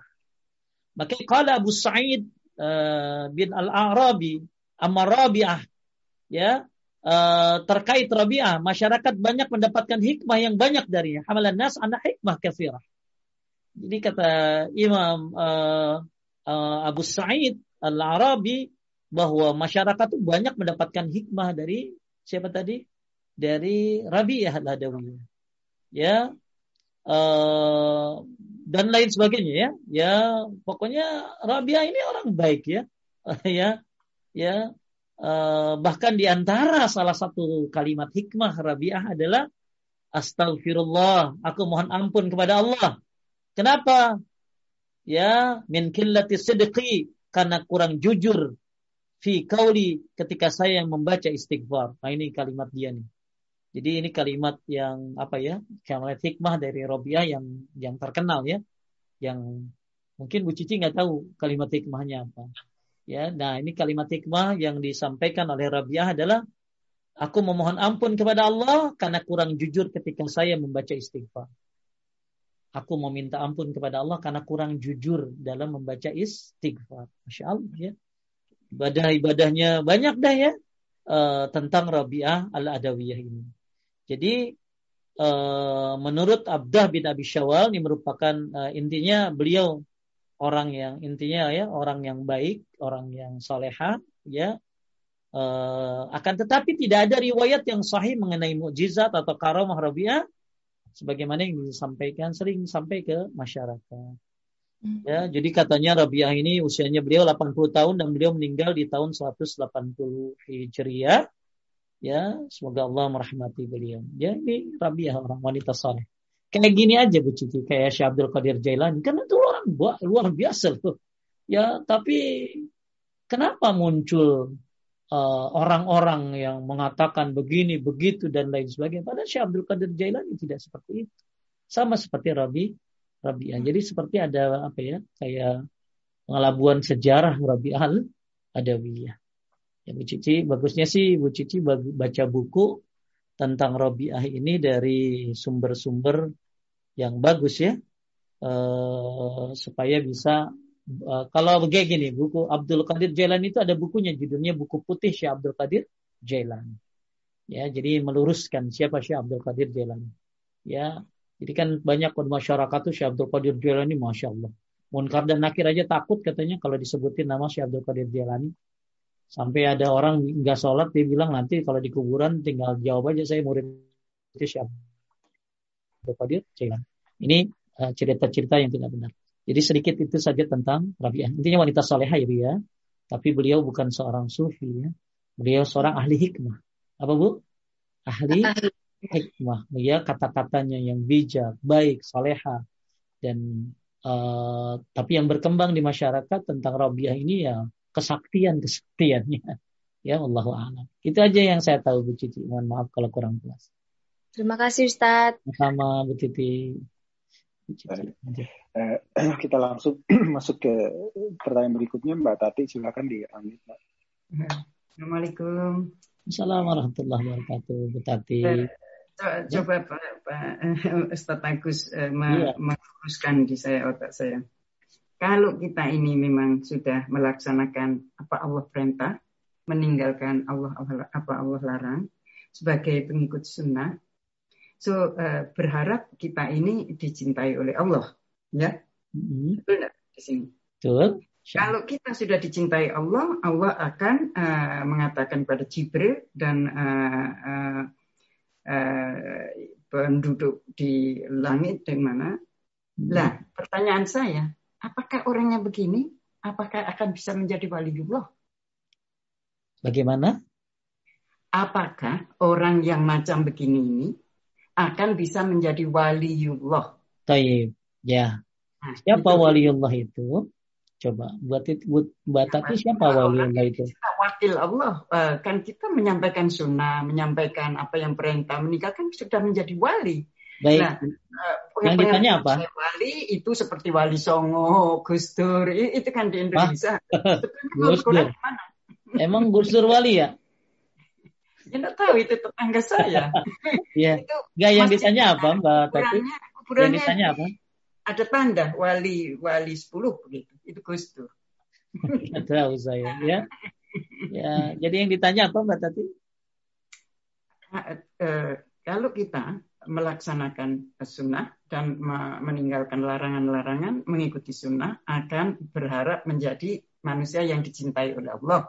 Kalau Allah mencintai kita, Allah akan memberitahu Jibril dan penghuni uh, Eh, di tempat lain uh, seperti yang diceritakan tadi. Lah kalau sudah begitu, apakah kita ini akan bisa menjadi waliullah di sini? Maksudnya Bu Tati bisa nggak jadi waliullah gitu? Iya, iya. Oke, itu yang penting ya. Bu Tati bisa nggak jadi waliullah? Ya, pertanyaan ya. baik. Ya, jadi begini. Waliullah itu ada dua, Ibu. Semuanya bisa ya, bukan hanya Bu Tati, Parasit juga bisa. ya, semuanya bisa ya. Semua bisa jadi waliullah. Yang penting waliullah itu ada dua. Waliullah terdepan yang disebut dengan waliullah al-muqarrabun. Waliullah pertengahan. Waliullah al-muqarrabun yang disebut dengan waliullah yang terdepan adalah satu, dia menjalankan yang wajib. Dua, dia menjalankan yang sunnah. Tiga, dia meninggalkan yang haram. Empat, dia meninggalkan yang makruh. Ini empat. Ya, Empat sifat apa tadi? Wali Allah al-muqarrabun. Ya, menjalankan yang wajib, menjalankan yang sunnah, kemudian meninggalkan yang haram dan yang terakhir ya meninggalkan yang makruh. Yang kedua, wali Allah yang pertengahan. Satu, dia hanya menjalankan yang wajib saja, Mbak. Menjalankan yang wajib saja. Ya, kemudian ya dia meninggalkan yang dilarang oleh Allah Subhanahu wa taala. Jadi hmm, apa uh, kemudian dalam riwayat yang lain ya ketika orang sudah menjalankan yang wajib dan yang sunnah maka Allah akan mencintainya. Kalau dia mencintainya maka dia akan menjadi kekasihnya dan kalau dia sudah menjadi kekasihnya dia akan menjadi walinya dan kalau sudah dia menjadi walinya maka siapa pun yang memusuhinya maka urusannya dengan Allah Subhanahu wa taala. Pertanyaannya adalah siapa yang tahu dia waliullah ya hanya Allah. Ya, jadi banyak waliullah ini ber uh, ada Kang Rashid ada orang pakai celana pendek, ya rambutnya gondrong, kagak pakai baju, ngerokok, manggil musik dangdut. Orang pada salaman nama dia, bilangnya apa? Wali itu wali, seperti itu. Jadi yang paling tahu hakikat wali Allah ya hanya Allah semata. Karena yang tahu ibadah ikhlas enggak ikhlas siapa? Kan manusia kan ada yang ibadah kelihatannya ya. Ada yang kelihatannya ibadahnya baik. Kan manusia hanya melihat zahirnya saja. Tapi yang tahu batinnya hanya Allah Subhanahu wa taala. Maka hakikat yang paling mengetahui wali Allah ya cuma Allah. Ya, cuma Allah Subhanahu wa taala. Tugas kita adalah jalanin perintahnya, jauhi larangannya, ya jalankan yang sunnah dan yang tadi ya perkara kita menjadi wali Allah alhamdulillah. Ternyata tidak, yang penting masuk surga. Jadinya tugas kita ini cuma dua. Diridhoi atau diampuni. Itu aja. Kata Mutarrif bin Sekhet, Ya Allah ridhoi aku, kalau tidak ampuni aku. Maka ulama salaf mengatakan fa'ilam takun tanafasas salihin fi amalihim fanafasal muslimin istighfarhum. Kalau Anda tidak bisa bersaing dengan orang-orang saleh dalam beramal, maka bersainglah dengan para pendosa dalam meminta ampun kepada Allah Subhanahu wa taala. Jadi tugas kita cari ridho Allah dengan cara yang dijalankan oleh Rasulullah Shallallahu Alaihi Wasallam. Ya, kalau kita tidak bisa mencatatkan ridhonya, maka semoga Allah mengampunkan dosa-dosa kita. Itu aja Bu Tati. Jadi ibadah itu ya beribadah kepada Allah yang banyak. Jadi jangan mentang jangan kita latah ya itu wali itu dia. Wali kenapa? Oh, kemarin kemarin saya lihat makan ayam bangke dia. Jadi kadang-kadang ya. hubungan di otak, uh, uh, uh, hubungan di otak saya itu karena saya pikir waliullah itu hanya uh, Ibra, ya Prophet Ibrahim alaihissalam dan Rasulullah. Itu, itu Khalil namanya. Saya. Itu Khalil. Uh, Khalil. Oh. Khalil. Itu Khalil. Khalil, Khalil itu ya, kekasih. Baik, baik, baik. Ya, jadi buat tadi mudah-mudahan jadi wali Allah. Ya, Ya, pokoknya jalanin aja perintahnya, jauhi larangannya, jalankan sunnahnya, ya, apalagi bisa ninggalin yang makruh, semua bisa, ya, mungkin. Tapi nggak tahu, ya, saya nggak bisa lihat Mbak Tati. Lihat orangnya aja saya nggak pernah Mbak Tati kayak apa, gitu. Ya. apalagi saya tebak gitu loh ya. Jadi nggak ada yang tahu, ya, apalagi masalah hati ya, Mbak ya. Tati ya. Gak ada yang. Ya, iya. Makasih Mbak Tati semangat terus ibadah ya. Baik, uh, sekarang saya share screen Ustaz pertanyaan-pertanyaan yang sudah menitip kepada kami. Yang pertama nih, Assalamualaikum warahmatullahi wabarakatuh Ustaz. Anda mau bertanya, apa yang dimaksud dengan ibadah dan apa syaratnya suatu ibadah itu diterima oleh Allah Subhanahu wa taala? Dan apa kaitan antara tauhid dengan ibadah? Syukran. Jazakallah khair Ustaz. Jangan dihapuskan. Apa yang dimaksud dengan ibadah? Ya, Ya, terus apalagi apa syaratnya suatu ibadah itu diterima oleh Allah Subhanahu wa taala. Ini bab awal ya kita pernah bahas tentang masalah ibadah ya. Apa itu ibadah, pengertian ibadah, seperti apa kepentingan ibadah. Definisi ibadah itu adalah ibadah adalah taat kepada Allah dengan melaksanakan perintahnya melalui lisan para rasulnya. Ini definisi ibadah. Saya ulangi lagi. Ada banyak definisi ibadah ya, tapi salah satunya ibadah ya uh, kalau secara bahasa ibadah itu artinya menendahkan diri, tunduk ya uh, ibadah tapi secara definisi ibadah itu adalah taat kepada Allah dengan melaksanakan perintahnya melalui lisan para rasulnya. Itu adalah ibadah ya. Kemudian apalagi? Apa yang maksudnya ibadah tadi udah ya? Ibadah adalah apa tadi?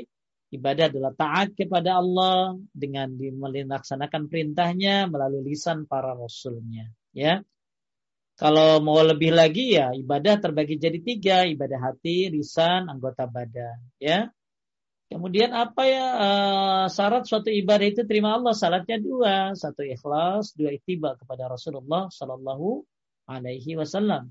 Jadi ibadah itu harus ikhlas. Yang pertama, yang kedua harus itiba mencontoh Nabi Shallallahu Alaihi Wasallam dalam ibadahnya. Ya.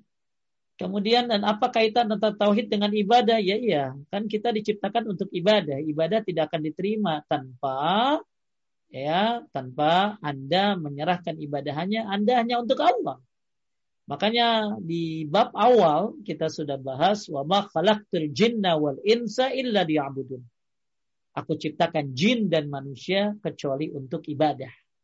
Apa maksudnya? Ya, karena ibadah itu ada yang bermanfaat, ada yang tidak bermanfaat. Ibadah yang bermanfaat adalah hanya untuk Allah. Sedangkan ibadah yang tidak bermanfaat adalah untuk selainnya. Ya, jadi kaitannya sangat erat sekali tauhid dengan ibadah. Anda nggak bakalan diterima ibadahnya kalau tidak diserahkan kepada Allah Subhanahu wa taala. Ibadah ikhlas kepada Allah Subhanahu wa taala. Jadi Sangat erat ibadah kaitannya dengan tauhid. Anda ibadah pengen dilihat manusia nggak akan diterima.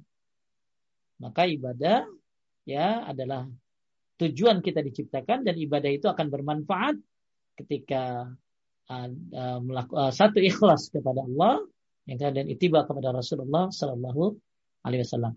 Mungkin Bapak Ibu ya, saya ada program di YouTube namanya Zayan TV, namanya Tauhid Keepers penjaga tauhid, tauhid keepers ya, ada podcast saya ada podcast.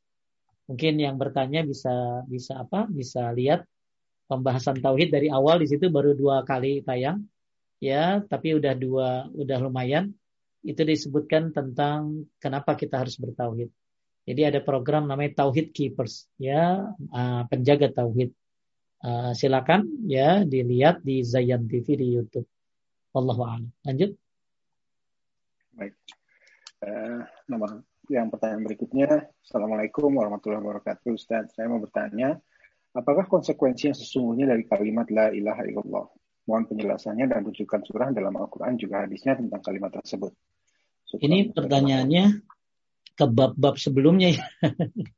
Iya. ya, ya bab-bab sebelumnya ya, konsekuensi dari kalimat la ilaha illallah ya. Jadi la ilaha illallah ini ada rukun, ada syaratnya. Ya. Rukunnya adalah nafi dan isbat. Ya, nafi dan isbat itu rukun la ilaha illallah. Eh, boleh ditayangin lagi Pak? Takut ini. Oh ditayangin lagi Pak, sorry. Maaf, maaf. Jadi ya. ruk, uh, konsekuensi dari kalimat la ilaha illallah ya la ilaha illallah ini ada syarat, ada rukun. Rukunnya adalah nafi dan isbat. Nafi ini meniadakan, isbat ini menetapkan. La ilaha illallah. Ya, la ilaha itu nafi. Ya, illallah itu isbat. Kemudian syarat la ilaha illallah ilmu, yakin, ikhlas, jujur, patuh, cinta, menerima. Itu syarat la ilaha illallah. Kemudian konsekuensi daripada la ilaha illallah adalah ya wa ma umiru illa liya'budullah mukhlishina lahuddin hunafa bahwa kalian tidaklah diperintah kecuali beribadah kepada Allah ya mukhlisin lahuddin dan beribadah dengan ikhlas kepada Allah Subhanahu wa taala. Jadi uh, ada rukunnya ya la itu ada rukunnya, ada syaratnya dan konsekuensinya Anda tidak boleh menduakan Allah Subhanahu wa taala. Uh, mungkin bisa ditunjukin kitabnya Pak Rashid ya. Kalau ya. pengen jelas, soalnya kalau dijelasin ini balik lagi ke bab awal ya. Ini Uh, mungkin Bapak yang bertanya nih ya bisa beli bukunya, mungkin bisa diliatin bukunya Pak. Bukunya biar bisa ini. Uh, biar dia baca lagi. Ada. Okay. Coba dikasih lihat bukunya. Yang di, di screen. Ya, uh, ada, udah. Ah, itu kan ya. Bisa, mungkin di screen apa di ini ya, oh, biar oh, di share screen ya. Ya, biar saya. nanti pada beli ya. Uh, jadi di situ lengkap ya, lengkap kita sudah uh, apa uh, bahas dari bab awal tentang la ilaha illallah dan konsekuensinya dalam dalam uh, mengucapkan kalimat la ilaha illallah. Kemudian dari juga apa tadi sudah dibahas juga ya uh, apa uh, tentang apa tadi kan tentang bahwa tidak cukup mengatakan la ilaha illallah ya. Tidak cukup hanya mengatakan la ilaha illallah. Dan kalau kalau dibuka di bab awal di bab awal-awal ya, ya itu ada pembahasan tentang konsekuensi daripada syahadatain rukun syarat konsekuensi yang membatalkannya. Jadi kalau uh, ini mungkin bisa dilihat ya di di, di di ini ya. Karena kan pertanyaannya dia coba terangkan dalil-dalil dan lain sebagainya. Ini mungkin saya bisa memberikan eh, seperti ini apa dalil-dalil sedikit tentang eh, konsekuensinya nih. Saya ini ya Kang saya apa? Saya saya kasih linknya aja ya biar gampang dia ya biar gampang ini komplit nih di sini nih ya sebentar Eh, saya taruh di chatting ya buat yang nanya. Kalau memang nggak punya kitabnya bisa dilihat di link ini ya. Silakan. Ada ya. Uh, makna syahadatain, rukun, syarat, konsekuensi, dan yang membatalkannya. Ada kan? Ada di chatting nggak kan? Di chatting ada nggak kan? ditutup akan di unmute. Oh, sorry. Saya share screen. Ada Ustaz, ada. Ada ya. Nah, bagi yang bertanya tadi supaya lebih lengkap ya karena waktunya nggak banyak, masih banyak yang bertanya ya Kang ya. Uh, silakan ya. Uh, apa dibuka di web ini bagus ya tentang apa tuh uh, konsekuensi syahadatain. Konsekuensi syah syahadatain dari mulai rukunnya ya sebagaimana yang saya sampaikan tadi, kemudian apalagi syaratnya, kemudian konsekuensinya ya nah, atau kalau mau lagi ini tambah lagi ya uh, ini buku yang kita pakai ini Ustaz oke okay. ah itu ada lagi tuh saya kasih ya memahami dua kalimat syahadat dan konsekuensinya ada dua kayaknya udah banyak banget ini dua ini ya bagi yang bertanya ya. masya Allah luar biasa anda sangat-sangat uh, perhatian terhadap konsekuensi, maka silakan dirujuk ke link yang saya kasih. Ya, di situ Anda akan puas membaca dalil-dalil semuanya, ya. Baik, lanjutkan. Baik, insya Allah nanti link-linknya dan uh, itu kita share di grup WhatsApp juga, jadi bisa disimak eh, uh, kembali. Baik. Pertanyaan berikutnya, yang ketiga, ini tadi, kedua, ketiga ini. Assalamualaikum warahmatullahi wabarakatuh, Ustaz. Bagaimana dengan doa yang memohon Allah mengizinkan Rasulullah Shallallahu Alaihi Wasallam memberikan syafaatnya nanti di akhirat? Apakah hal itu diperbolehkan? Ustaz? Ya, makanya di dalam Al-Quran Allah berfirman, apa firman Allah ayat kursi? La yashfa'u indahu illa biizni. Tidak ada syafaat kecuali atas izin Allah Subhanahu wa taala. Qulillah syafa'atu jami'an. Semua syafaat itu milik Allah. Bahkan, nah ini kadang-kadang orang suka salah syafaat ya.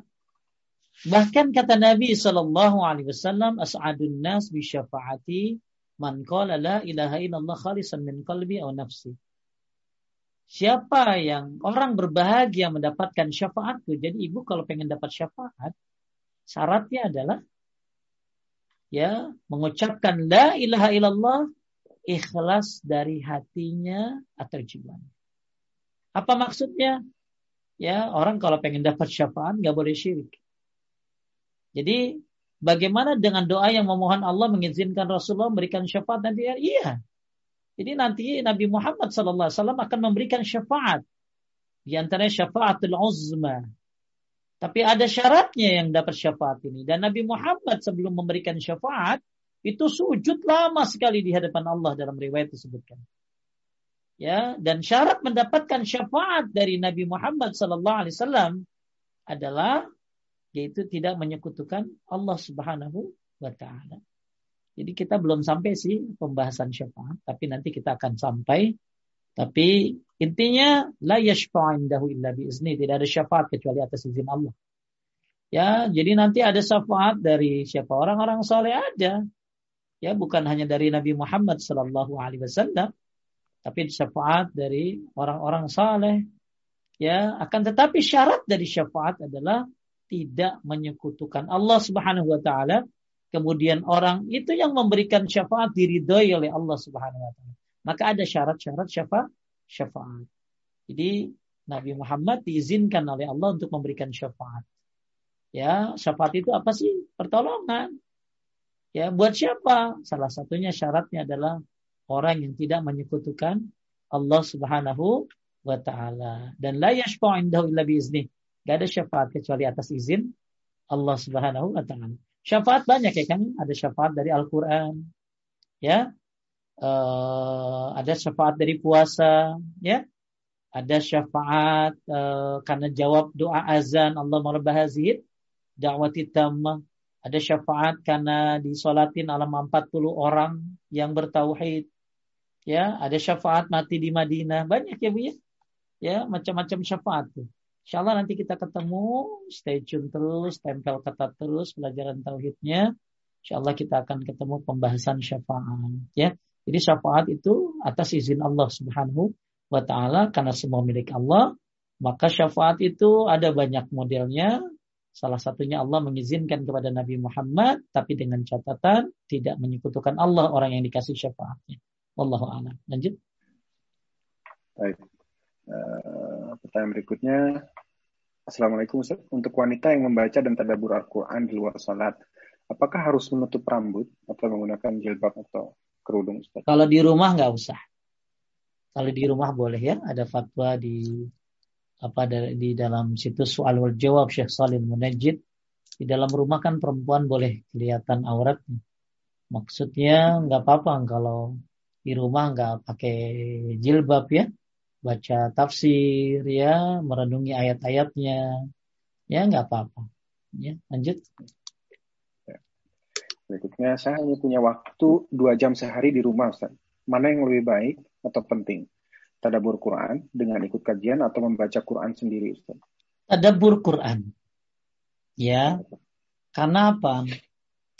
Karena para sahabat itu baca Al-Quran itu 10 ayat sampai ngerti, paham, ngamalin, kata Ibnu Mas'ud. Ya, 10 ayat. Ngerti, paham, ngamalin. Jadi kalau ada isya, pertanyaannya gini, ada yang disebut ahlul Quran. Siapa ahlul Quran itu? Kata Syekh Abdul Razak, ahlul Quran itu adalah orang yang mengamalkan Al-Quran. Jadi kalau ada orang hafiz Quran, tapi dia tidak mengamalkan Al-Quran, dia bukan ahlul Quran. Tapi kalau Anda tidak hafiz Quran, Anda hanya bisa baca Quran, tapi Anda ngamalin Quran, maka Anda termasuk ahlul Quran.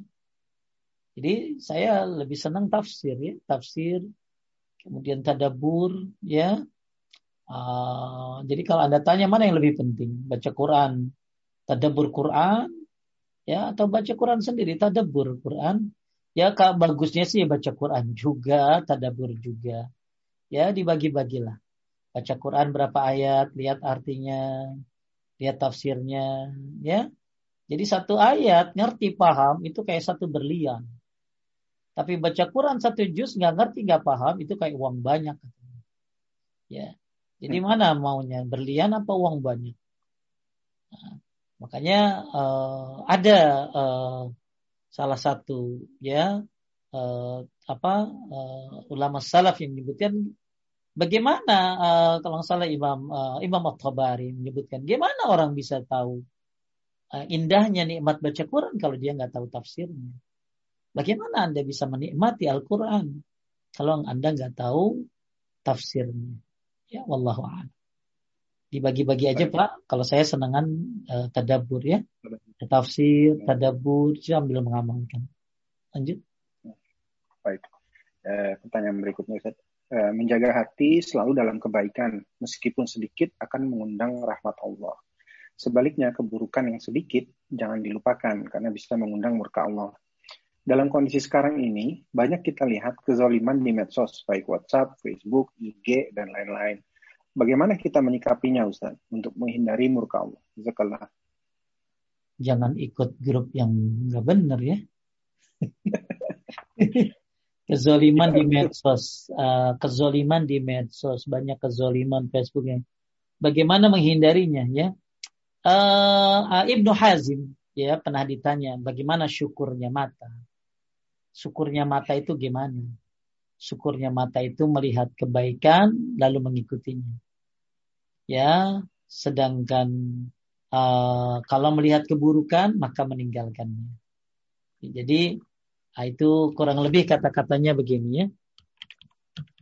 Uh, saya ada ada tulisan bagus dari siapa tadi uh, Abu Hazim maaf ya. Saya share cuman agak panjang mungkin ya, sedikit aja. Mudah-mudahan pas nih. Baik, sedikit saya akan chat begini. Jika kamu, eh, bagaimana syukurnya dua telinga? Sebentar. Mudah-mudahan cukup nih. Apa uh, tulisannya agak panjang. Ah, itu dia kurang. Kurang panjang. Apa-apa sedikit tapi bisa. Nah, itu dia. Ya. Uh, coba dibacakan. Seorang bertanya. Saya, saya masukkan ke dalam ini ya, bisa ke dalam uh, saya bacakan. Seseorang bertanya kepada Abu Hazim, apakah syukurnya dua mata itu, wahai Abu Hazim? Ia menjawab, jika kamu melihat kebaikan, sebarkanlah. Dan jika kamu melihat keburukan, tutupilah. Orang itu bertanya lagi, bagaimana syukurnya dua telinga? Abu Hasim menjawab, jika kamu mendengar kebaikan, maka peliharalah. Dan jika kamu mendengar keburukan, maka cegahlah. Orang itu bertanya lagi, bagaimana syukurnya dua tangan? Abu Hazim menjawab, jangan kamu gunakan ia untuk mengambil barang yang bukan haknya. Juga penuhilah, penuhilah hak Allah yang ada pada keduanya. Orang itu bertanya ya. lagi. Jadi Lalu, poinnya yang ini tuh ada di satu sama dua ya kan ya? Apa syukurnya dua mata? Ya, jika kamu melihat kebaikan, sebarkanlah. Jika kamu melihat keburukan, tutupilah. Bagaimana syukurnya dua telinga? Jika mendengar kebaikan, maka pelihara. Jika mendengar keburukan, maka cegahlah. Nah ini. Jadi ketika Anda melihat banyak kezaliman di medsos dan lain sebagainya, ya, nah, maka Anda ya tutupilah, ya tutupilah. Atau Anda menghindar darinya. Ya, Anda menghindar darinya. Ketika Anda melihat banyak kebaikan di medsos, maka Anda pelajarilah, Anda ambillah. Jadi ketika Anda banyak melihat kezoliman dan lain sebagainya di IG dan lain nggak tahu ya Kang ya. IG saya itu penuhnya kebaikan kok. Mungkin tergantung yang diikutin ya kali ya. Dia follow siapa gitu ya. Betul nggak? Ya dia follow siapa? Kalau ibu follownya yang bagus-bagus ya, nah itu dapatnya yang baik-baik ya, nggak bakalan ada uh, macam-macam itu ya uh, nenek-nenek diperkosa nggak bakalan ada kayak gitu-gitu tuh ya jadi uh, banyak banget ya itu kalau ada ada apa ya ada satu satu satu apa sih satu situs ya atau IG itu kalau mungkin diperas keluar darah semua kali Kang saking banyaknya pembunuhan ya. ya jadi saya kalau kan di Instagram itu kita bisa pilih siapa yang kita follow ya.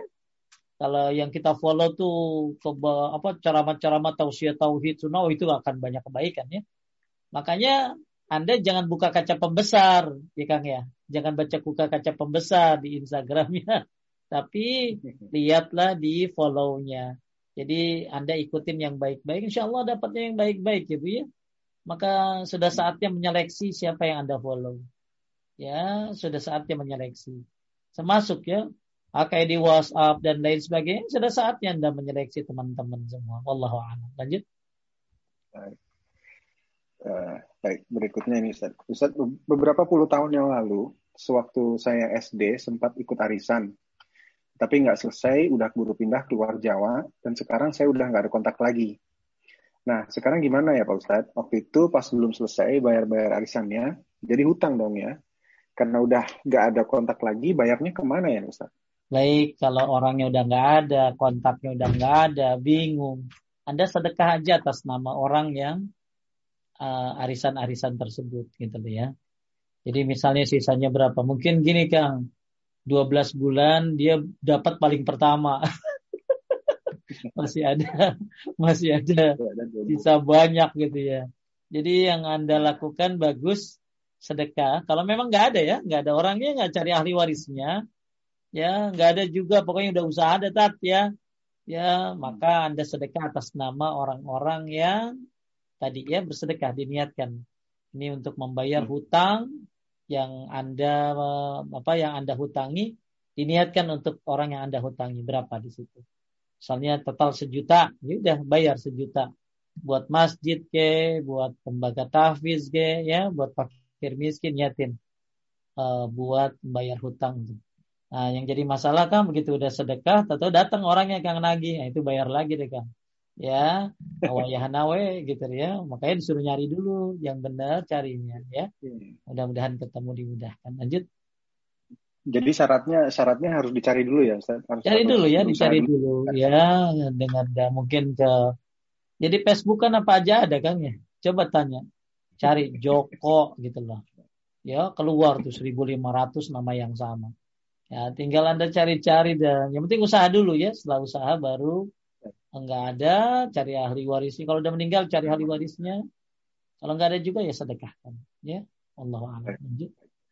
Ini pertanyaan berikutnya Ustaz. Assalamualaikum warahmatullahi wabarakatuh. Ustaz, pada saat kita di kamar mandi, bagaimana berdoanya saat wudhu dan atau pakai baju dalam pakai baju dalam kamar mandi? Doa apa? doa habis wudhu keluar dulu dari kamar mandi ya.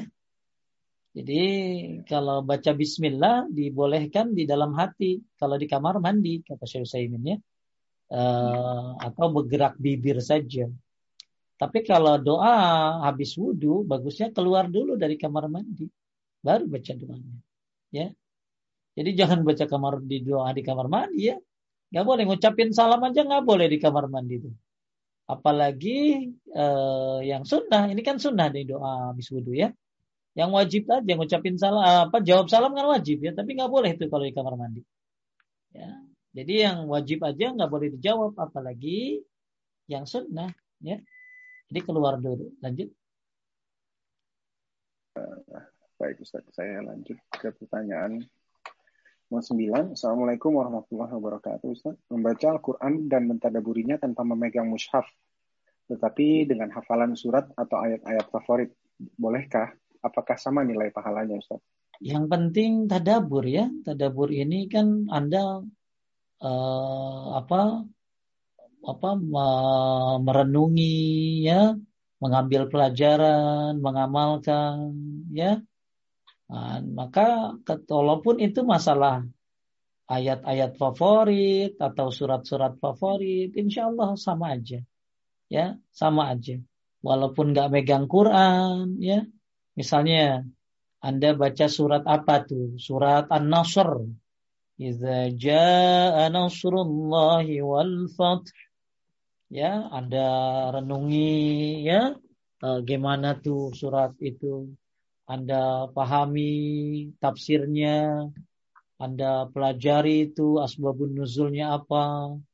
Terus Nabi itu baca apa ketika turun ayat itu lagi sujud anda amalkan oh Nabi baca subhanaka Allahumma rabbana bihamdika Allahumma firli lagi sujud ya begitu turun surat terakhir itu. Jadi merenungi, menghayati, mengamalkan, mentafakuri ya uh, itu bisa bisa ayat mana saja ya. Ya. Tapi kalau Anda pengen membaca kesempurnaan Al-Qur'an seluruhnya ya bagus coba bacanya dari awal ya walaupun sedikit-sedikit tapi di tadaburi. Allah Subhanahu wa taala berfirman ya uh, apa dalam surat Sad ayat 29 Kitabun anzalnahu ilaika mubarakun yadabbaru ayatihi waliyatazakkaru ulul albab. Al-Qur'an itu kitab yang diturunkan penuh dengan keberkahan ya, penuh dengan keberkahan. Untuk diapa? Untuk ditadaburi. Jadi ini pokoknya ibu baca apa? Al-Muluk. Ibu senang baca Al-Muluk ibu tadaburi sampai bisa mengamalkan. Masya Allah. Justru yang baca Al-Muluk itu bukan hanya yang yang bebas dari siksa kubur itu kan. Akang tahu ya kan. Kalau orang baca Al-Muluk bisa apa kan? Bisa dihindari dari azab kubur. Ya. Azab kubur kan? Maka yang dimaksud dihindari dari azab kubur itu adalah orang yang bukan hanya baca Al-Muluk tapi dia mengamalkannya ya uh, mengamalkan surat Al-Mulk ya mentadaburinya. Nah itu dah.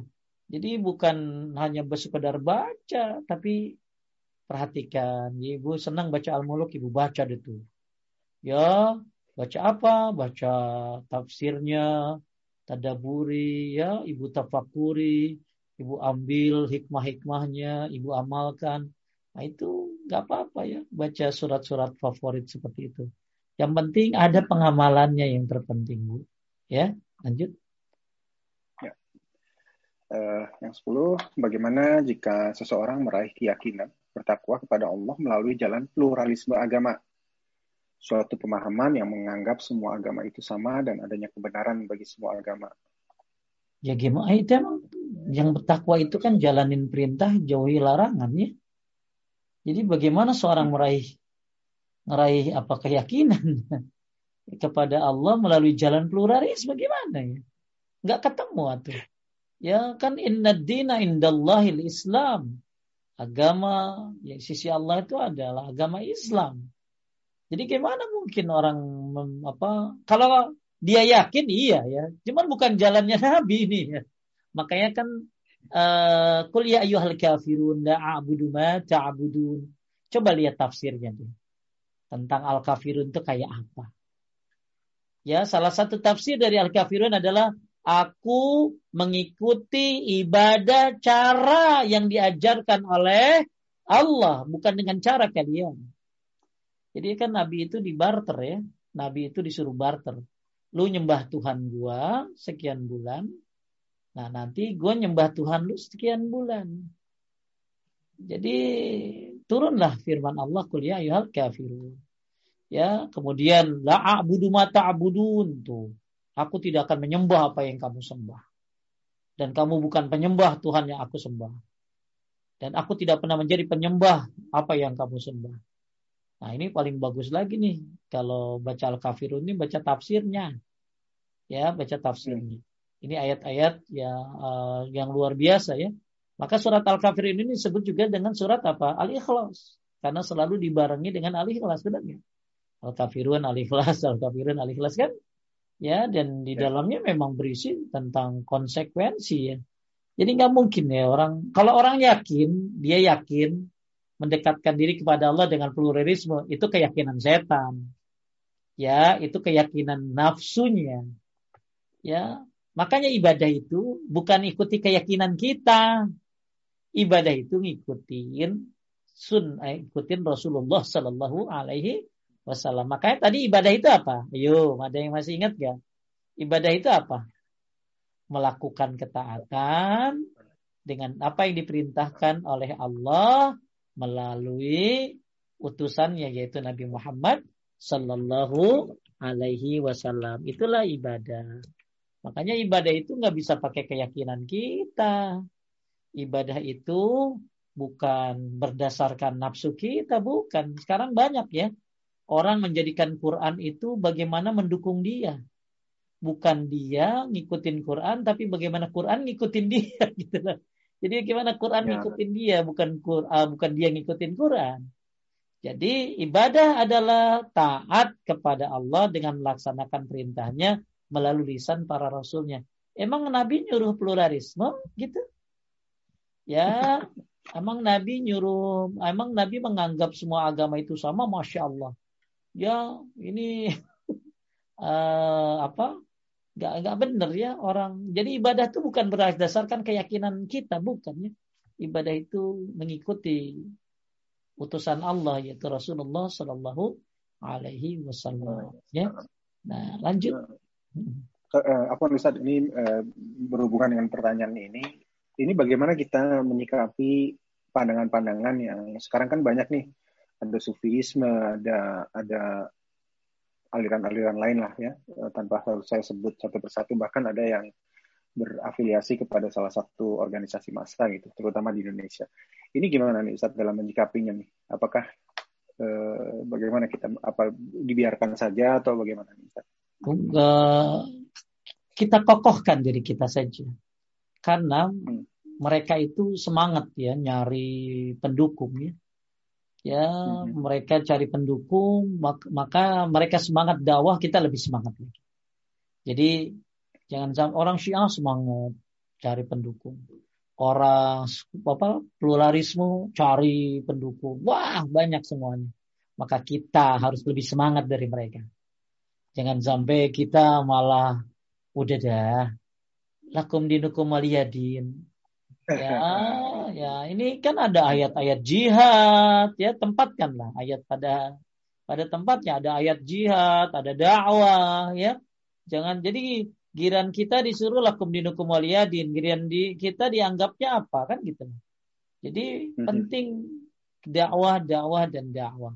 Makanya mereka alhamdulillah ya sekarang banyak justru ya. Ya memang semua banyak yang sesat banyak, yang benar juga banyak. Alhamdulillah sih ya saya lihat yang udah mulai hijrah kepada Quran dan Sunnah, ya itu luar biasa banyaknya sekarang. Karena mereka nggak perlu kartu anggota kan, betul? Nggak perlu kartu ya, anggota. Dan mereka tuh kalau memang hatinya bersih, mereka akan milih. Lu ibadah nurutin siapa sebenarnya? Ya, makanya uh, apa kita sikapi gimana model-model mereka Pak Ustadz? Kita sikapi dengan kita sibuk menuntut ilmu, kita sibuk berdakwah, ya maka insya Allah nggak usah nyari ya maka uh, akan itu nah ini ada tiga pintu orang masuk neraka. Yang pertama adalah pintu syahwat. Yang kedua pintu syubhat. Yang ketiga pintu marah. Ya, pintu marah nih. Marah jadi gara-gara marah banyak musuh. Betul? Eh, gara-gara syahwat banyak uh, melanggar larangan Allah. Nah, pintu syubhat ini yang membuat orang jadi ragu agamanya. Maka inilah hmm. perang terhadap syubhat. Makanya uh, jihad itu bukan hanya jihad terhadap orang kafir, tapi jihad terhadap orang-orang munafik. Jihad terhadap hmm. orang-orang munafik, jihad terhadap syaitan, jihad terhadap hawa nafsu. Maka terus berjihad para ulama nggak bakalan berhenti ya. Ustadz-ustadz sunnah itu nggak bakalan pernah berhenti. Mereka akan terus berdakwah. Dia mau mau mereka kuasai medsos semuanya ya karena mereka sedang berjuang untuk menegakkan tauhid dan sunnah. Jadi semua sedang semangat untuk berdakwah. Kita harus lebih semangat lagi. Khususnya Paduka Rumah Dakwah Paduka harus lebih semangat lagi dalam menyebarkan tauhid dan sunnah Nabi Shallallahu Alaihi Wasallam. Jangan sampai kalah semangat sama tetangga sebelah. Ya, apalagi tetangga sebelahnya pluralisme. Nauzubillah min Ya, lanjutkan. Baik. Baik, eh, sebelum kita pertanyaan berikutnya itu eh, kita ada buku syarah kitab tauhid di UK.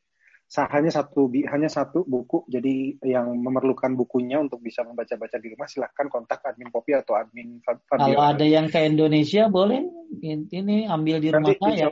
Kalau Insya Allah, insya Allah nanti ya. kalau ke Indonesia kita buat yang di UK ya, jangan yang di Indonesia. Ntar pada datang ke rumah di Indonesia Iya, kalau yang di Indonesia nanti mungkin bisa bisa kita kumpulkan namanya nanti kita share di. di Jadi yang di UK mungkin bicara. ada yang balik ke Indonesia bisa ya, ambil di rumah saya 30 biji boleh ada kayaknya. Untuk di oh, untuk dibawa ke UK sana boleh. Ya 100 juga ada kayaknya kan ya, Alhamdulillah. Bukan dari saya kok, dari ibu-ibu, dari ibu-ibu yang suka ya. wakaf buku tauhid ya. Lanjut. Insya Allah nanti kita kita arrange deh Ustaz. Baik. Itu pertanyaan 11 Ustaz. Allah tidak suka orang yang boros. Kalau orang kaya membeli mobil harga miliaran. Beli tas harga ratusan juta, bahkan miliar-miliar. Harganya wah-wah lah pokoknya. Apakah itu termasuk boros Ustaz? Iya itu mah jadi memiliki yang bagus itu baik ya. Tapi ada yang berlebihan ya. Ini jadi gini loh. Kita pakai mobil bagus boleh. Karena bagus itu kan ada ukuran ya kan ya kan? Ya.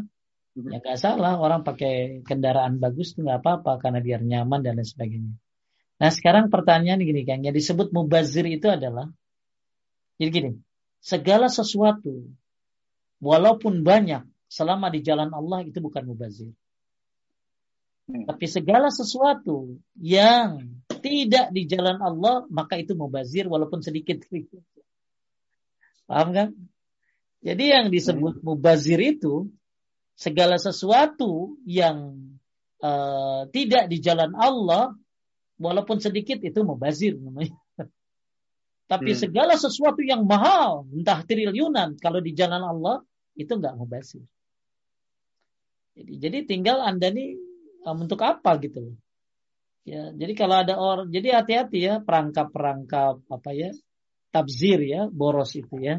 Jadi boros ini kan karena dia punya kali kan ya. Jadi karena dia punya maka dia boros ya. Maka dilarang kan di apa e, dilarang orang make apa kan? pakai gelas emas ya, hmm, pakai ini ya uh, karena menyakiti orang-orang fakir gitu ya, menyakiti orang-orang fakir. Jadi intinya menurut saya kalau memang dia punya barang bagus dipakai di jalan Allah itu nggak masalah ya Kang ya. Tapi ketika ya ketika ada orang uh, memakai sesuatu yang murah kan murah ya tapi tidak di jalan Allah ya. Jadi kalau misalnya dilihat dari diri ini ya, di dari apa sih? Dari dari dari maknanya apa yang dimaksud boros gitu ya. Ya.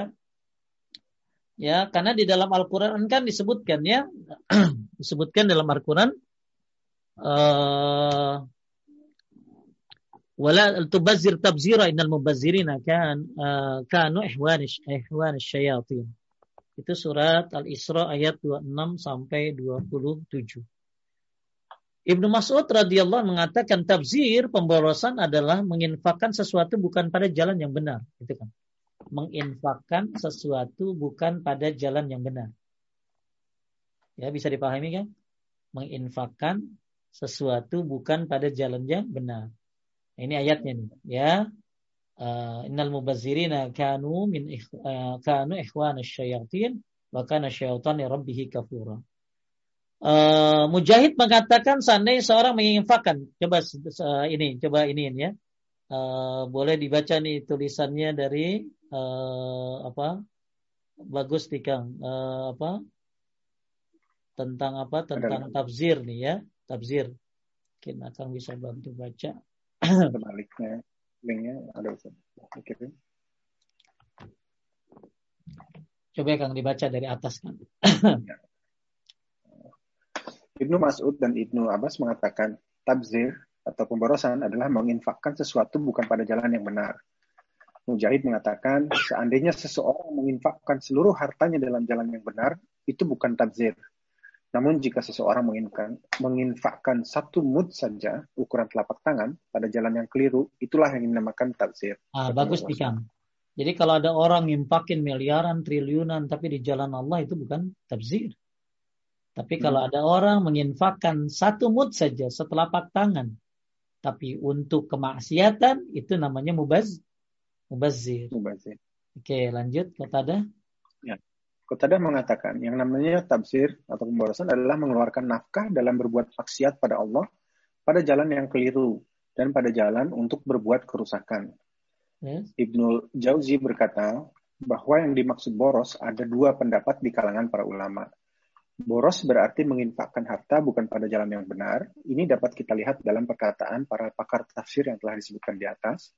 Boros berarti penyalahgunaan dan bentuk membuang-buang harta Abu Ubaidah berkata mubazir. Orang-orang yang boros adalah orang yang menyalahgunakan, merusak dan menghambur.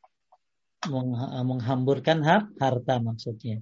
Jadi boros berarti penyalahgunaan bentuk membuang-buang harta atau berkata mubazir adalah yang menyalahgunakan, merusak dan menghamburkan harta. Jadi intinya ini yang disebut mubah, mubazir, boros.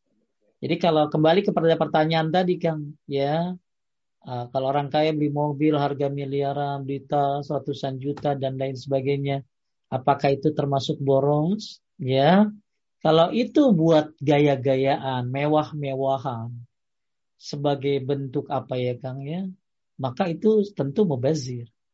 Ya. Hmm. Tapi ketika dia punya mobil bagus ya, buat apa ya, buat uh, buat ke talim atau apa ya, karena memang dia pengen nyaman dan lain sebagainya untuk di jalan Allah ya nggak masalah ya selama untuk kebaikan. Jadi yang jadi masalah kan gini Kang, ada orang beli-beli itu tuh untuk gaya gitu loh. Ya. Ya, untuk oh, untuk supaya apa ya? Apa tahu lah. Ya, supaya kelihatan kelihatan ini. Nah, itu nggak boleh kan itu sombong namanya. Ya. Nah, jadi ketika saya misalnya beli ah saya mau beli inilah mau beli apa deh dah ya berapa miliar ya ya nggak apa-apa tapi ya dipakai buat apa nih ya mobilnya ya dipakai buat ini itu dan lain sebagainya. Ya yang penting buat kebaikan ya. Tapi kalau orang beli tas untuk gaya hidup sombong dan lain sebagainya ini tentu bukan bukan jalan yang baik. Itu mubazir namanya ya boros namanya. Tapi kalau dia pakai tas ada emang ibu-ibu pakai tas tuh 300 juta kang. Ya 300 juta. Terus begitu hujan kang. Ya begitu hujan saya lihat itu dia rela-relain basah bajunya tapi tasnya nggak boleh basah ya, saya dia bilang uh, yang penting tas saya aman tat gitu loh kagak basah gitu, ya. jadi ba bajunya basah tapi tasnya kagak basah dia jadi dia jaga gitu ah nyiksa diri kayak gitu teh gitu ya. Ya, hmm. ah banyaklah iya. cerita ibu-ibu yang kayak begitu mah. Mudah-mudahan ya. Tapi yang paling penting jangan ya. jangan sampai memaksakan diri ya Ustaz. Ya. Iya, yang lebih parah lagi mutang Kang. Mutang, ya. maksakan diri namanya BPJS. Budget pas-pasan, jiwa sosialita. Budget pas-pasan, jiwa sosialita. Ya, bukan BPJS yang itu ya, bukan. Ya, jadi kita bilangnya BPJS kan. Ya, hidup gaya, gaya hidup. Jadi kita saya pernah bahas pembahasan tentang hidup gaya, gaya hidup. Hidup gaya, gaya hidup. Ternyata tipuan setan tuh. Hidup gaya, gaya hidup. Akhirnya terpengaruh dengan gaya hidupnya, ngutang, bahkan nipu kan. Ya, ya, eh, dan lain sebagainya. Ini tipu daya setan jadinya. Ya, Jangan budget pas-pasan tapi jiwa sosialita ya. Ya, lanjut. Baik. Uh, ini saya kira kita putuskan dua dua pertanyaan lagi mungkin Ustaz jam 10 malam kayaknya. Uh, Assalamualaikum warahmatullahi wabarakatuh Pak Ustaz. Dengan membaca Al-Quran sendiri tanpa membaca artinya apakah mendapat pahala? Dapat. Satu huruf sepuluh kebaikan. Ya, dapat pahala Bu. Walaupun nggak ngerti dapat pahala yang ngerti lebih lebih tentunya ya lanjut baik ini ada pertanyaan di luar topik nih Ustaz uh, ada ulama beli saham bang. Apakah artinya ulama tersebut juga ikut makan uang riba Ustaz? Saham apa? Kan gitu lah. Kan saham kan saham bank saham ini, ini bank Ustaz bank oh saham bank, bank. ya iyalah. Ya, saham bang. Kirain sama saham kan ada ada yang banyak kan kan? Saham ya, ada ya. yang halal ya kan? Ada yang haram gitu ya. Saham bir dia beli. Ya. Ya terus dia bikin masjid yang namanya albir ya jadi ada tuh masjid albir katanya. Jadi intinya saham bank ya haram dong. Ya haram. Ya jadi dia makan iyalah ya dia makan riba. Lanjut habis. Terakhir ini Ustaz Pak Ustaz berkaitan ini singkat aja mungkin Ustaz. Arisan diperbolehkan nggak Ustaz dalam Islam? Ya, ada uh, ada sedikit ini ya, tapi ada yang bilang boleh, ada yang bilang enggak. Coba saya sendiri sih apa nggak hafal ya, nggak hafal ininya, apa fatwanya ya.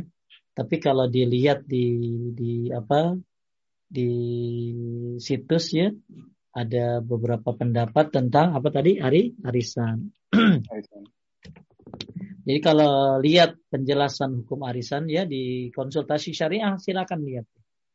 Ya, penjelasan tentang apa? Tentang arisan ya di konsultasi hmm. syariah hmm. uh, itu ada jawaban dari Abu Ubaidah Yusuf As-Sidawi. Yang pertama arisan termasuk muamalat manusia. Dan kaidahnya asal dalam muamalah adalah boleh sampai ada dalil yang melarangnya. Bahkan arisan merupakan salah satu bentuk sosial dapat membantu untuk memenuhi kebutuhan sesama. Tuh, Gang.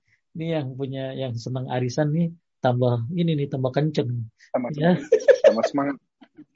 Jadi sampai ada ibu-ibu ikut berapa ya? 15 arisan apa sebulan nih? ikut 15 arisan, ya 15 arisan gitu ya. Jadi ini Abu uh, Abu Ubaidah Yusuf As-Sidawi ulama sunnah ya. ya kalau nggak salah dia dulu muridnya Syekh Albani ya kalau nggak salah. Nah ini jadi itu muamalah ya, muamalah kan kalau nggak ada larangannya boleh ya kan, ya kan? Ya. Terus kata Syekh Ibnu Zaimin, arisan hukumnya adalah boleh. Nah ini fatwa Syekh Zaimin. Ya, fatwa Syekh Zaimin, arisan hukumnya boleh, tidak terlarang. Barang siapa mengira bahwa arisan termasuk memberikan pinjaman dengan mengambil manfaat, maka anggapan tersebut adalah keliru. Sebab semua anggota arisan akan mendapatkan bagian sesuai dengan gilirannya masing-masing. Cuman saya pernah Kang ada ibu-ibu ngamalin zikir. Saya tanya, itu zikir apa Bu? Zikir biar cepat dapat arisan. Enggak Enggak usah baca itu juga Bu, nanti dapat gitu loh. Ya, jadi mending zikirnya syar'i gitu ya. Jadi kalau saya Utsaimin memang setahu saya membolehkan kan. Ya, saya Utsaimin itu membolehkan arisan. Terus ringkasnya arisan hukumnya boleh bahkan memiliki manfaat, namun perlu diingat bahwa dalam arisan hendaklah diisi dengan sesuatu yang bermanfaat seperti pengajian, taklim ya, nasihat yang bermanfaat. Minimal perkara yang mubah. Jangan mengisi arisan dengan hal yang seperti banyak terjadi.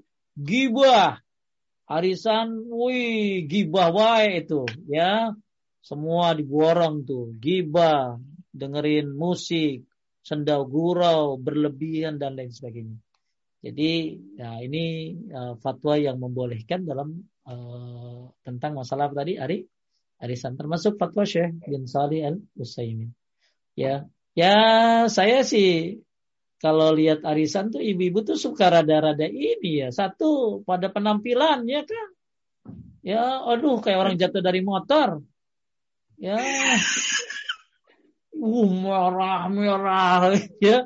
Ih, dalam hati saya. Aduh ya. Ya. Terus apalagi ya, belum lagi gibah. Terus mereka bawa fotografer lagi bawa fotografer. Ya jadi sebelum kajian tuh mau kajiannya di hotel. Eh kajiannya arisannya di hotel. Di hotel kan ada restoran tuh ya. Ya istighfar aja yang banyak deh kalau kayak begitu mah tuh. Ya terus juga wah pada fotografer semuanya. Ya pada manggil fotografer bergaya semuanya masing-masing.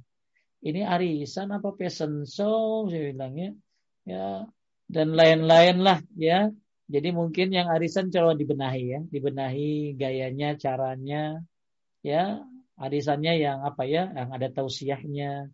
Dan nggak boleh yang dapat duluan bayar lebih, itu nggak boleh tuh Kang. Ada tuh, ya ada yang pengen dapat duluan, ini bayar lebih, itu nggak boleh tuh kayak begitu tuh. Jadi ada subhat-subhatnya sebenarnya arisan itu ya, ya subhat-subhat arisan. Nanti saya saya tanya sama ibu-ibu yang suka arisan dah, ya subhat-subhatnya apa aja tuh. Ya salah satunya adalah kalau yang mau dapat duluan bayar lebih, itu nggak boleh. Terus lagi ada yang namanya apa lagi itulah. Ini sini siapa nih coba nih? Eh, pada kabur nih ibu-ibu nih yang ya ya ya ibu-ibu siapa nih coba nih? Ya di sini. Jangan lari bu, bentar saya cari nih orangnya nih. Ada nggak di sini? ya Ibu siapa nih ibu-ibu gaul? Ngaji kagak dia kabur ya, kabur lagi nih. Coba iya uh, tapi kayak bentar ya. Uh, aduh ya udahlah. Ya nanti kabur ya. kesian deh. Jadi ada arisan ada subhat-subhatnya juga tadi bayar lebih. Terus ada lagi apalah yang saya kagak tahu nah itu nggak boleh. Pokoknya bayarnya segitu ya ya bayarnya segitu dapatnya segitu. Jadi nggak boleh ini kang. Nggak boleh lebih ya. Nggak boleh lebih gitu ya ya nggak boleh lebih uh, apa uh, pokoknya nggak boleh lebih. Kalau lebih kan namanya riba ya. Ini namanya riba. Ah ini Rana bukan. Halo Rana. Ini Rana siapa nih? Rana? Rana ya Ustaz Rana siapa nih Rana Salam. Rana Salam, ya, atau aku nggak tahu mukanya apa sehingga kelihatan. Ya, tahu apa apa uh, subat-subat arisan tahu? Iya tahu Ustaz. Apa? Coba. Uh, biasanya uh, yang pertama kali dapat arisan itu yang uh, apa namanya bandarnya ya. Ah bandar benar itu. Uh, ya. Jadi uh, mereka yang tarik duluan. Oh gitu, narik duluan. Kecewa nggak uh. begitu tuh? ya, eh, itu yang yang gak Tapi boleh. saya biasanya nggak ikut yang kayak gitu, yang seperti yang saya pernah uh, alami tuh waktu itu pernah ikut pengajian, tapi uh, arisannya besar. Kemudian yang pertama kali menarik tuh uh, ah ini ini ya, ya Uh, Terus uh, kebetulan uh, apa dia uh, duluan yang dapat, terus dia me, harus ada uang uang ini apa administrasi istilah istilahnya. Oh gitu ya. Ya tapi ya, saya nggak ikut. Ya Bu Rana. Iya sama-sama Ustaz. Nah nih nih gue punya bandar nih. Ya Yuli, Jupe, Jupe, Jupe. Jupe kabur. Kenapa? Kenapa? Coba ya, apa apa tuh? Ini bandar nih. Ya. Banyak ban. Apa subhatnya? Kan kan udah ini tat, udah insap. Udah insap alhamdulillah. ya udah. Udah ya, ditutup udah. semuanya. Alhamdulillah. Udah ditutup ya. Intinya ya, boleh-boleh aja, asalkan jangan ada ribanya. Ya, makasih Jupe. Tuh, ya, sama-sama Tat. Alhamdulillah Tat. Mantan bandar. Baik, Kang. Ya, saya mah kenal murid-murid saya TK kayak begitu dah modelnya. Alhamdulillah. Ya, makasih. Jadi pada intinya arisan boleh ya Ustaz? Ya, selama hindari subhat-subhat ya. Ya, subhat-subhatnya dihilangkan Baik. seperti bayar lebih dan lain-lain lah enggak ya yang harus dihilangkan dan kemaksiatan lainnya gibah. Maka bagus tausiah ya. Murni tausiah tapi juga nggak ada macam-macam ya. Jangan tausiah cuma nutupin doang ya. Wallahu a'lam. Cukup kan? Cukup habis Ustaz. Alhamdulillah. Apa yang dapat sekarang cocokannya ya. belum belum ada iuran. Ini belum iuran ya. Taib. Bapak Ibu sekalian merayakan Allah, Alhamdulillah. Uh, mudah-mudahan kita bisa lanjutkan ke bab 7 ya. Uh, tentang masalah jimat dan lain-lain. Terima kasih. Uh, apa, mudah semoga Allah Subhanahu wa taala memberikan kita ilmu yang bermanfaat pada malam ini dan semoga kita semuanya dimudahkan untuk bisa mengamalkan tauhid dengan semurni-murninya. Tidak cukup la ilaha tapi juga harus mengingkari sesembahan selain Allah Subhanahu wa taala. Ya. Itu saja. Terima kasih rumah uh, dakwah Paduka. Semoga kita semuanya sehat-sehat ya. Jangan lupa banyak baca la haula wala quwata illa billah ya. Banyakin banyakin baca falak anas di saat-saat Covid seperti ini. Banyakin juga zikir-zikir yang mungkin tadi saya share ya. Uh, jadi yang pengen tahu zikir-zikir di saat di saat apa? Di saat pandemi ini apa yang harus dibaca yang diajarkan Rasul silakan mampir ke Zayan TV ya silakan mampir ke Zayan TV lihat uh, ada ada YouTube baru dari saya baru bikin tadi malam tentang doa-doa yang bagus dibaca di saat dalam keadaan genting ya. Dalam keadaan susah.